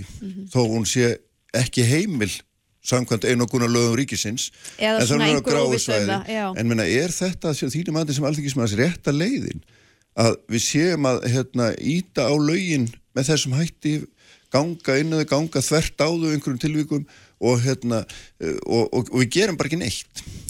Nei, ég held, enda held ég nú hafi verið brugðist við því, einmitt eins og nefnir áfengisauðlýsingunum, það hefur verið brugðist við því ef það er tali veri, hafi verið brotið á því, en þarna kemur og einmitt upp Já, en þarna kemur einmitt upp það að sko, við lifum í svo síbreytilegum heimi. Þannig að þegar þessi lög voru gerð þá átti engin vona því að við getum bara fengið auglýsingarnar í símanum okkar Nei, sko, þegar við erum að hérna, frétt einhverjum uh, miðlum eða þá að við séum að horfa útsendingar á einhverjum sko, fótballtaleikjum frá útlandum þannig að það sýnir auðvitað það að lögin eins og eru í dag standast bara ekkit raunveruleikan það er ekki hægt að hafa þetta bann með þeim hætti sem það er í dag. Það bara er, ó, það er misræm í því. Það misræmir innlendum framlendum og innlendur söluðalum frá þeim erlendu auk þess að þetta náttúrulega fullt af eh, hérna, fyrirtækjum tapa tekjum á þessu vegna þess að þessar auglýsingar eru allar að fara í gegnum einhverja erlenda miðla. Þannig að mér finnist rétt að endur sko þetta. En, og með því líka að sum okkar kannski vilja ekki hafa auglýsingar áfengi en við verðum að setja okkur við að þær eru þarna. Og þá held ég að sé jafnvel betra að við setjum einhver lög og einhverja hömlur á það hjá okkur þannig að íslenska lögjum sé raunhæf en hún standist og að sé hægt að fylgja því eftir. Því eins og það er í dag þá eru þetta mjög auðvelt að komast hjá því og það höfum við séð ítrekka þannig ég held að sé miklu skinsamlega við hjá lögjafanum ég og Egur og setjast yfir það hvernig getum við aðlaga lögin að breyttum tíma?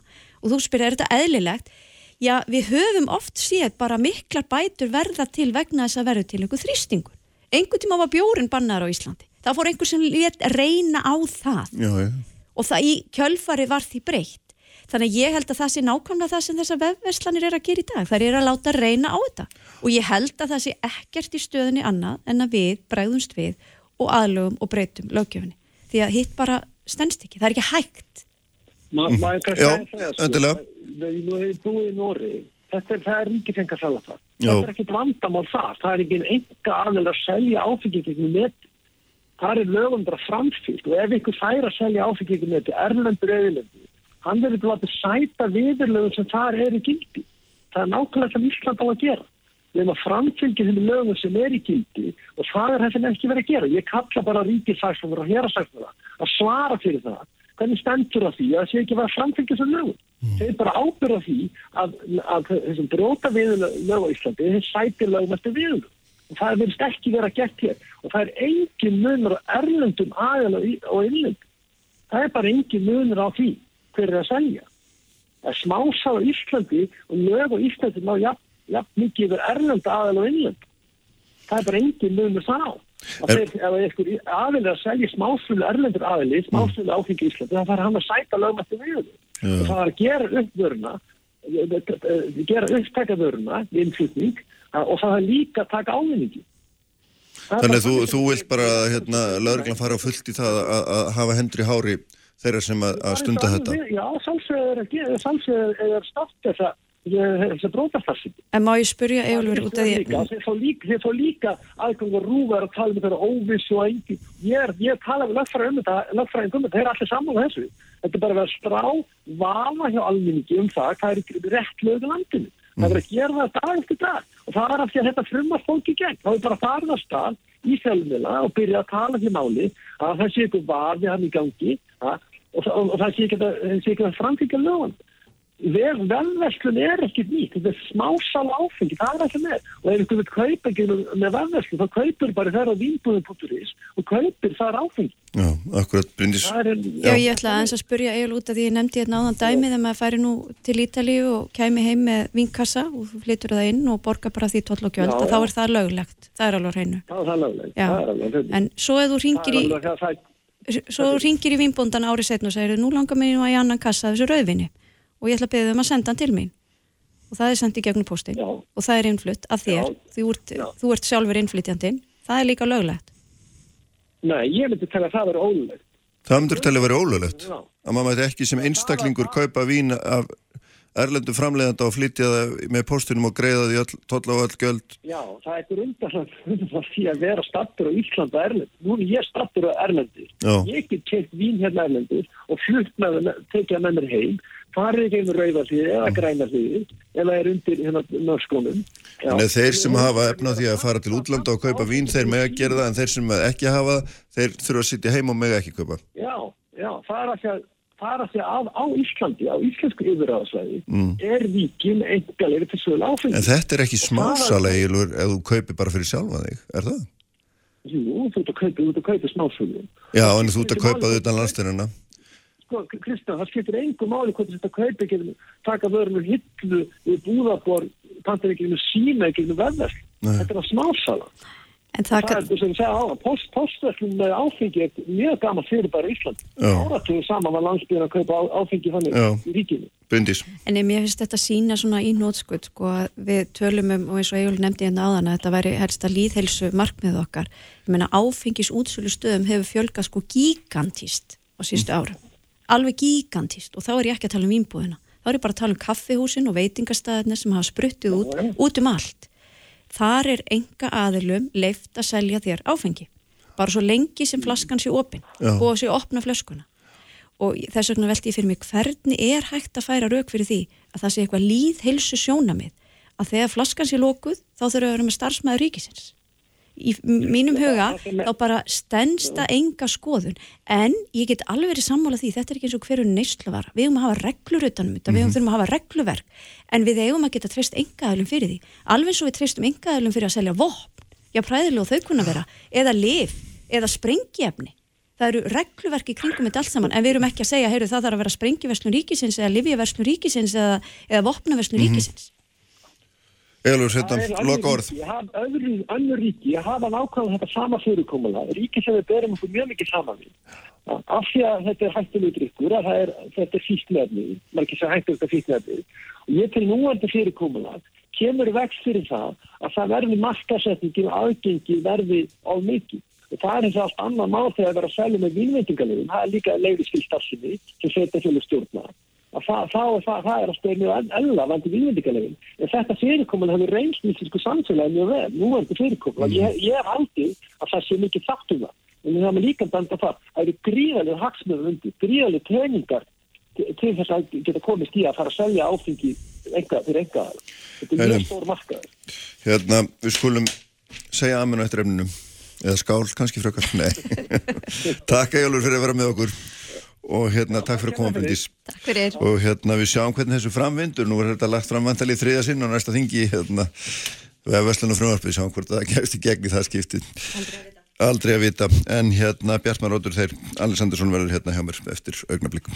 Alla daga Bilgjan Sprengisandur Alla sunnudaga á Bilgjunni Sælustendur þau farin frá mér Bryndís Hallastóttir og Egilur Armansson alþingismenn vorum að fjalla um, um fyrirkomulega smásölu á áfengi hér á Íslandi og þannig auglust að það er ennþá grundvallar ágrinningur um hvernig því er því er best fyrir komið og hvaða sjóna með eiga að ráða. Ég ætla að fjalla hér um mál sem ég var nefnd að fjalla nokksunum um áður. Uh, Bjartmaróttu þeir Alessandursson Blaðamæður á stundinu komin hérna til mín. Sæl blessaður, velkomin. En eina ferðina í raun og veru þarna Þetta er nú alveg stór skemmtilegt mál sem þú skrifaði um.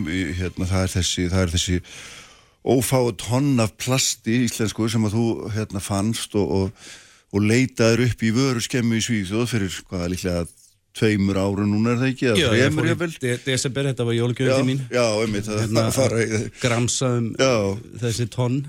Já, einmitt og hérna og, og þetta er sagt, plast sem við sendum til Svíþjóðar uh, og átt að fara í endurvinnslu. Mikið rétt. Já, en endaði í þessari vörskemmu og er þar að stórum hluta en þá það er nú eitthvað deilt um hversu mikið þetta er. En, en svona hérna síðan alltaf svona fyrir utan þróum málsins sjálfs að þá er þetta mjög merkild líka að fylgjast með því hvernig svona þeir sem er hluta að fara undan í flæmingi og, og gera það er einhvern veginn bara ennþá sko. Já, það er mjög fyrðurætt að þegar við erum að koma upp með þetta mál í desember að viðbyrjum voru mjög hörð hjá stjórnvöldum og meðal annars úrslesjóði sem að ber svona ákveðna ábyrði í þessu máli þar sem þeir greiða íslensku endurvinnslu fyrirtækjum fyrir að senda þessa hluti í endurvinnslu og uh, viðbröðum voru hörð og það átt að krefjast ákveðna hluta, átt að krefjast þetta myndi fara í rétta farfi og mm. þess að þar og þetta er rannsakað og þá var þessi íslenska sendinemnd skipuð sem að uh, komið þá tveir fulltrúar frá íslenskum endurvinnslufyrirtækjum og svo eitt fulltrúi frá úrslusjóði og þeirra hlutverk var að koma staðan yfirstu hvernig þetta gætt gerst mm. að svona mikið magna af íslensku plasti í samstarfið þetta sænska endurvislu fyrirtæki Sverek eh, hafi raun endað í þessu vöruhúsi í Póriti í Svíþjóð.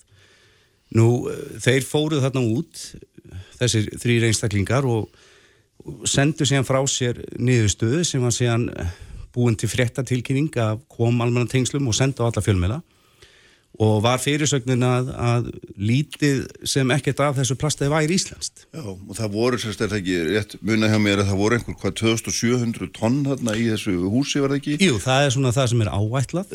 Uh, var, það var meira náttúrulega áður en það var fjallægt af núverend eiganda og, og það, það sem hefur nú þegar fóki líka til nágranna. Um, en þetta, þetta var gífulegt magn og er ennþá. Um, og Nýðustæða nefndana var raun og veru að 1,5% uh, af öllu þessu plasti væri bara íslenskt. Já. Hitt væri í raun og veru útlenskt bara. Mm. Og það er nú enga 740 tónn? Það eru 40 tónn en, en það, það, af, þessum, af þessum tölum þá verðist það að vera lítið og, og þessi fréttatilkynning sem að senda alla fjölmjölu opýrt um, síndi fram á að þetta væri nú ekkert mjög alvarlegt. Þetta, við Íslandingar, við værum ekki þessi sóðar eins og mjögulega þessir útlendingar sem hefur verið að senda plastaðana og, og þá er í þessar frettilkynningu ímsar útskýringar á hvernig þetta gætt gerst og það er þessi fræga reikniformúla sem þið notuðu. Og þegar við sáum þetta upp á stundinni að þá ákveðum við að skoða þetta betur og þá bara komi ljósa þessi þessi fréttatilkynninga eða þessi rannsókn eins og hún átti að eiga sér stað sem að nótabenni fór inn á borð ríkisendur skoðunar, umhverfis og sangungur nefndar alþingis og til ráðherra. E, þá umhverfis ráðherra að hún stóðst einfallega ekki skoðun þegar hún var ítalega skoðuð. Og þar má til dæmis finna það að, að, að sagt, í samtali mínu við þessa menn sem að fóra á staðin að það voru tímasettingar eins og ekki rétt að hversu lengi hefur voru að skoða þetta. Mm -hmm og hann fullir þér hjá einu endurvislu fyrirtækinu hjá Terra að þetta, þeir hafa verið hann í 90 mínútur til 120 mínútur. Inn í e, þessu húsi og... inn í þessu húsi að rannsaka já, þetta allt saman. E, aðilinn sem að kemur frá Úlsusjóði sem að í raun og veru er sá sem að sjá um innra eftirlit innan sjóðsins, hann segist að hafa verið hann um í klukkutíma. En svo tala maður með aðra aðila sem voru á svæðinu sem voru frá Svíþjóð og eigandi vörúsins og það voru það kannski 25 mínútur, 30 mínútur að skoða allt þetta magn mm -hmm. og ég var nú sjálfur þarna persónlega og já, já. þú, þú þarft ansi mikið að, að, að skoða ef þú ætlar að komast eitthvað í nýðustu og, og það verðist ekki alveg líka bara tímasetningar ekki einu svona verið réttar og þá vöknum við ímsa grunnsemdir og þá fórum við að byggja um gögn bakvið þetta um að til dæmis það sem er sagt í þessari skýslu að allt þetta plass sem er í vöru hafi raun og verið búið að endurvinna. Mm -hmm. Þetta er farið gegnum þessar endurvinnslu vera sveregs sem þeim fengum við mitt greitt fyrir það er það sem við íslenskir skakkreiðendur borgum fyrir, já, þetta já. færi gegnum þessar endurvinnslu vera til að ná öllu endurvinnalegu plasti úr að því ekki er allt plast endurvinnalegt og það er alveg augljóst. En það eru bara ekki til neinn gögn. Það, þeir segjast ekki verið með neinn gögn undir höndum og þetta byggist allt saman bara á málflutningi tengdra aðila. E, þeir seffrænga sem við rættum við þá eru náttúrulega til alls konar gögn það eru afhendingarsælar, það eru reikningar sem eiga að gefa upp hversu mikið af tonnu voru send eða hversu mikið af tonnu voru seld og flutt og þess að þar þetta er allt, áallt sem að vera til í eðlugum rekstri en akkur í þessu dæmi verist bara ekkert vera til? Líka bara innan um plastið þannig í... E, Mjögulega voru, voru, fóru þessi reikninga bara þannig með þeim inn í, í, í vörhúsið en, en, en hvernig skýslaninn gefin út er líka mjög förðuleg verðin að, að í frettilkynningunum kom fram að þetta var í samilin nýðust ákveðin aðala meðal aðans íslensku sendiremdunar og svo settu við líka að þetta var í samilin nýðust að heilbreyðsfulltrúa sveitafélagsins Kalmars og öð, öðrum fulltrúa frá sveitafélaginu. Nú þegar við höfum samband við þá hjá stundinu í Svíþjóð þá kunnust þeir ekkert við það að þeir hafðu eitthvað að vera að skoða hversu mikið magn var íslenskt. Eh, við bárum þetta undir eh, úrvöldsjóð mm. og allt í einu þegar við vorum búin að spyrja spurninguna og segja það við höfum rætt og við svíða þá allt í einu bara breytt frettatilkynningun á ef sjóðsins að nú voru þeir ekkert lengur sammála. Já. Þannig að, að, að, að sko við erum hérna svolítið mörg á Íslandi sveitt að vera að endurvinna plastið okkar og það er ekkert grín að þrýfa mæjunistóli það er að vera með hann undir vaskinum og mm -hmm. opnana og allt saman. Þú þú ert í alveg að leggja fram vinnu við þetta að reyna að gera rétt að hlutin að sjá svo að þegar þú lóksum setur hann í réttatunnu og jættið keirir hann í gám eða á næstu endurvissu stöð að þetta er raun og verið sem verklaði þegar teku við þegar þú ert búin að vanda það að gera rétt að hlutin.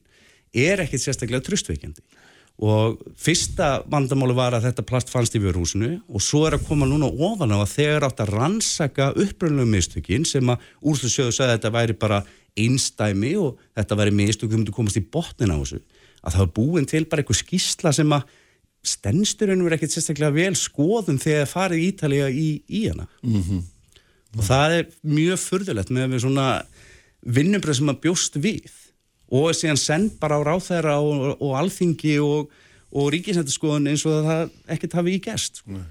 Nákvæmlega, þegar þú varst hérna síðast þá varst það búin að býja til samtali við ráþæra lengi og það er ekki fengið, núna sá ég að þú er búin að fá það og hann var nú reyndar bara algjörlega ómyrkur í málum það þetta var ekki nógu gott og við varum búin að borga fyrir þetta og við erum að hafa tryggingu fyrir því að að plastin sem við hefum sendat út hefði verið endurunni. Algjörlega og það verðist vera eitthvað mísram á mitti þessar undustofnur á þeirra sem úrflöðsjóður er mm. um, og ráð þeirra vegna þess að þeir ætla ekkert aðhafast fyrir ykkar í málnu vegna þess að þeir segja að þetta sé núna á könnu svíjan, ekki okkar.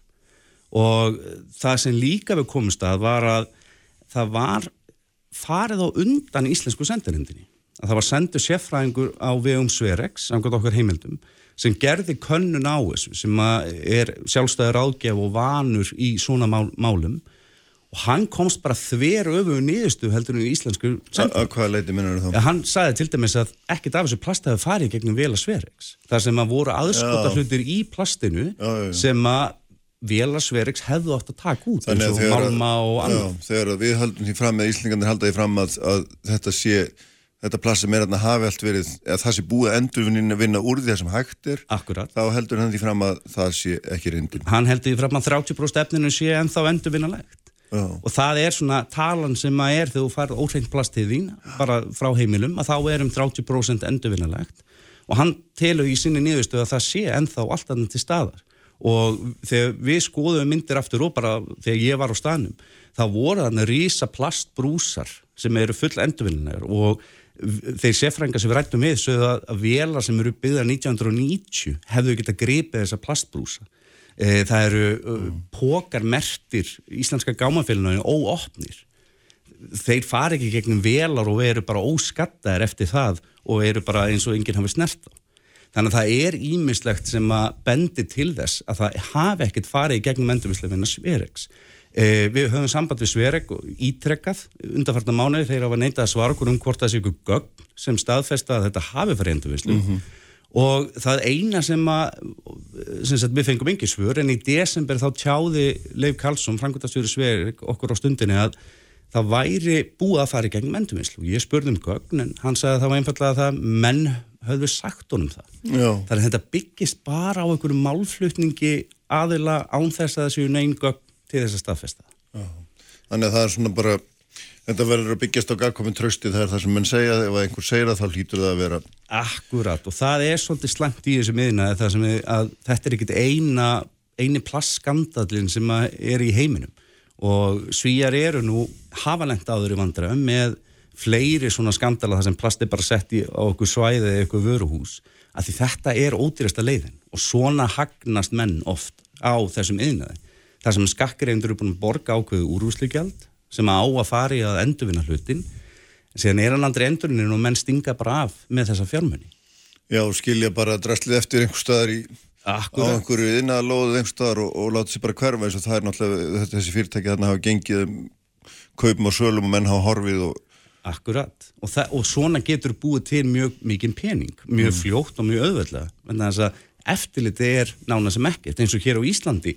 E, þegar plast er sett í gáma í útflutning það er og ekki aðtöða hvort þetta sé plast í gáma En, en þetta er náttúrulega ekki vantarlega eitthvað sem að sko þessi íslensku fyrirtæki geta borið ábyrð á ef að menn eru óheiðarlegir og, og taka peningar og stinga af, skilur að sjálfsögð ekki. Það er ekki, hérna, það er ekki einhvern veginn á þeirra könnu að fylgja svona nákvæmlega með því. Nei, að sjálfsögð ekki. En að þegar þú ert í viðskiptum og segja síðan þínu viðskiptuvinnum eins og hérna íslensku endurvislufyrirtingina við endurvinnum plastið Já. þá berð þú samt sem ábyrð sem fyrirtæki að aðtuga það hvað er í gangi eftir að kannski að koma upp einhver, já, eins og hjá okkur stundinu að þeir voru ekki að vinna rétt.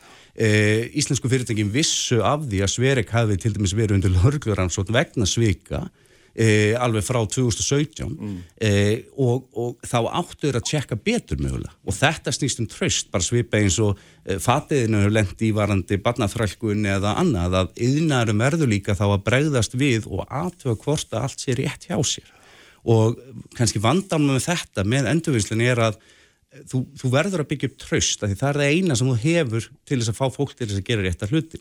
Eh, og það tekur mjög langa tíma að byggja upp það tröst en það tekur mjög stuttan tíma að eðalegja Mm. og þá myndast afturförun og þá kemur þessi gamla uh, gamli hugsunaháttur sem er einfallega bara já þetta fyrir hvað sem er allt í sama haugin og það við megum ekkert við því í, í, í þessu ferli sem á sér stað vegna þess að endurvinnsla er rosalega stórt, stórt á mjög stórt hlutverk í baráttunum gegn uh, loftasbreyningu Þú ert sérst að kalla eftir því að, ég veit ekki hvort, er það raunhæft að fyrirtæki eldi þá vöruna sína á endurvislastöðin á tryggið með einhverjum hætti að Já, hún fari reyndar- í, í hérna réttan farveg. Já, það er endar ákveðin krafa sem er núna bara komin að verða að lögum. Það sem Já. er krafist þess að sé uh, í raun og veru gefið nákvæmlega fram hvert plastið fór og hvað varð um það. Í dag er svo krafa ekki til staðar. E, það eru afskaplega, það er mjög einfalt að elda svona. E, fólk getur sko panta frá, uh, hluti frá Kína á netinu og séð nákvæmlega hvað hluturinn er bara m- með að trakka hann í gegnum ákveðin forrið. Þetta er ekkert mála að setja valandi plast. Plast er engin, er engin munur því að flytja plast eða flytja einhverja vöru. Þannig að þú átt alveg að geta séð hvað þetta endar. Og við erum einmitt að skoða það núna og það er alveg ótrúlega að sjá að Íslandingar er ennþá að senda plast til Asju. Að, um, sem sem er hérna á Íslandi og hægt hægt að endurvinna hér á Íslandi í verksmiðu hér á Íslandi erum við frekar að senda til Malasíu heldur en í endurvinnslu hér á Íslandi. Og þetta er gert vegna að kerfið er búið að byggja þannig upp að það er fjárrakslega hagkvæmna að senda plastið til alla leið til Malasíu heldur en til hverageris. Og við borgum síðan allt þetta. Hvað býtum við, þú ert aðeins að skýra þetta náttúrulega, hvað, hvaða, hvaðan kemur þetta plast sem verið að Heilúru senda? plast er til dæmis það sem er akkurat það sem að menn hagna skífulega á Já. hér á Íslandi eh, ákveðin endurmislu fyrirtæki vegna þess að þeir sapnaði sama frá bændum eða, þá á sínu stöðum þeir setja það í gáma og þeir senda það út til Hollands í til milliliðs sem senda það sen áfram til Malasju og með því þessu hvernig kerfið er búið er það fjáraslega hagkvæmara vegna reglu, reglu sem úrvöldasjóður hefur ge- gert að þeir fá meiri pening greittan frá úrslösjóði í gegnum þetta ferli heldur að myndu senda til endurvislu hér á Íslandi. sem er samt hægt að gera. Sem er bara 100% hægt að gera og við eigum velanar, þetta er eina af umhverfisvænustu endurvislu stöðum í heiminum vegna þess að við notum jarðvarma. En samt sem áður höfum við sendið þetta endalust til Malasíu og annar ríki þannig að kerfið í raun og veru byggt þannig að með því að gera hlutina svolítið ránt að þá hagnastu meira á því hefur þetta týrkast lengi eitthvað? Já, þetta er búið að vera í mörg ár. Við erum búin að vera að senda plast til bæði Indonésiu, Vietnam og, og Malasíu núna í, í, í fjölmörg ár. Þannig að þetta er akkur það sem er vandamála við neina að það er því miður bara lítil sem engin, eða lítil sem ekkert eftirlitt með því nákvæmlega hverja gerast. Mm -hmm. e, Jafnvel er sett krafa núna í lögum sem voru sett að 1. mæ 2021 að fyrirtæki myndi skila af sér í rauninu við skýslu um hvort það myndi vera umhverfislega hagkvæmt að flytja vöru eins og plast sem þetta til endurvisli til útlanda. Eh, ekkert fyrir, fyrirtæki hefur sendt þessa skýslur. Hvort þessu umhverfislega sendir þetta sem eiga að fara hvert, hvert er það að fara skýslunar? Eh, til, til úrlusjóðs. Já, já, já.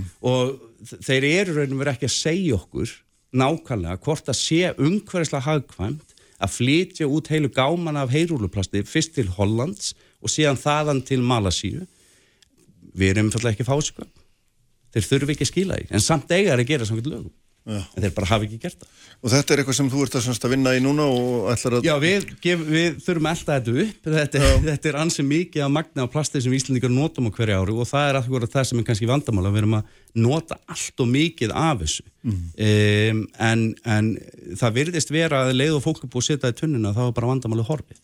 Það veit ekki hvað verður um það, en þetta eitthvað staðar endar þetta og eitthvað staðar er þetta vandamál mögulega fyrir aðra eins og íbúina og nágranna vöruhúsins í Porrit sem þurft að lifa við rottur og, og, og, og pöttur í, sem voru að lifa þarna á íslenskum skýrdóllum og inn í bónusbókunum. Þannig að en þetta er, þetta er mjög stórt mál Já. og mikið mál en þess að, að það má ekki gleyma því að úrlýsjóður er, er með í raun og veru veldir tveimur miljardum ári. Og þetta er skattfíð Já, sem að er að fara þannig gegn. Sem greitir fyrirtækjum fyrir að, að, að hérna, fara með á réttan já, já, á að réttan farveg. og, og við sjáum það eins og gerðist núna bara í, í, í, í Krísuvík að það sem molta blandaðist við plast mm. því var drift um alla Krísuvík og það er ennþá þarna. Herri, við komumst ekki lengra. Þetta er, þetta, þetta er allt í fróðlegasta máli. Við sem þú kemur til mín aðtur og við höldum árum að fjalla um þetta.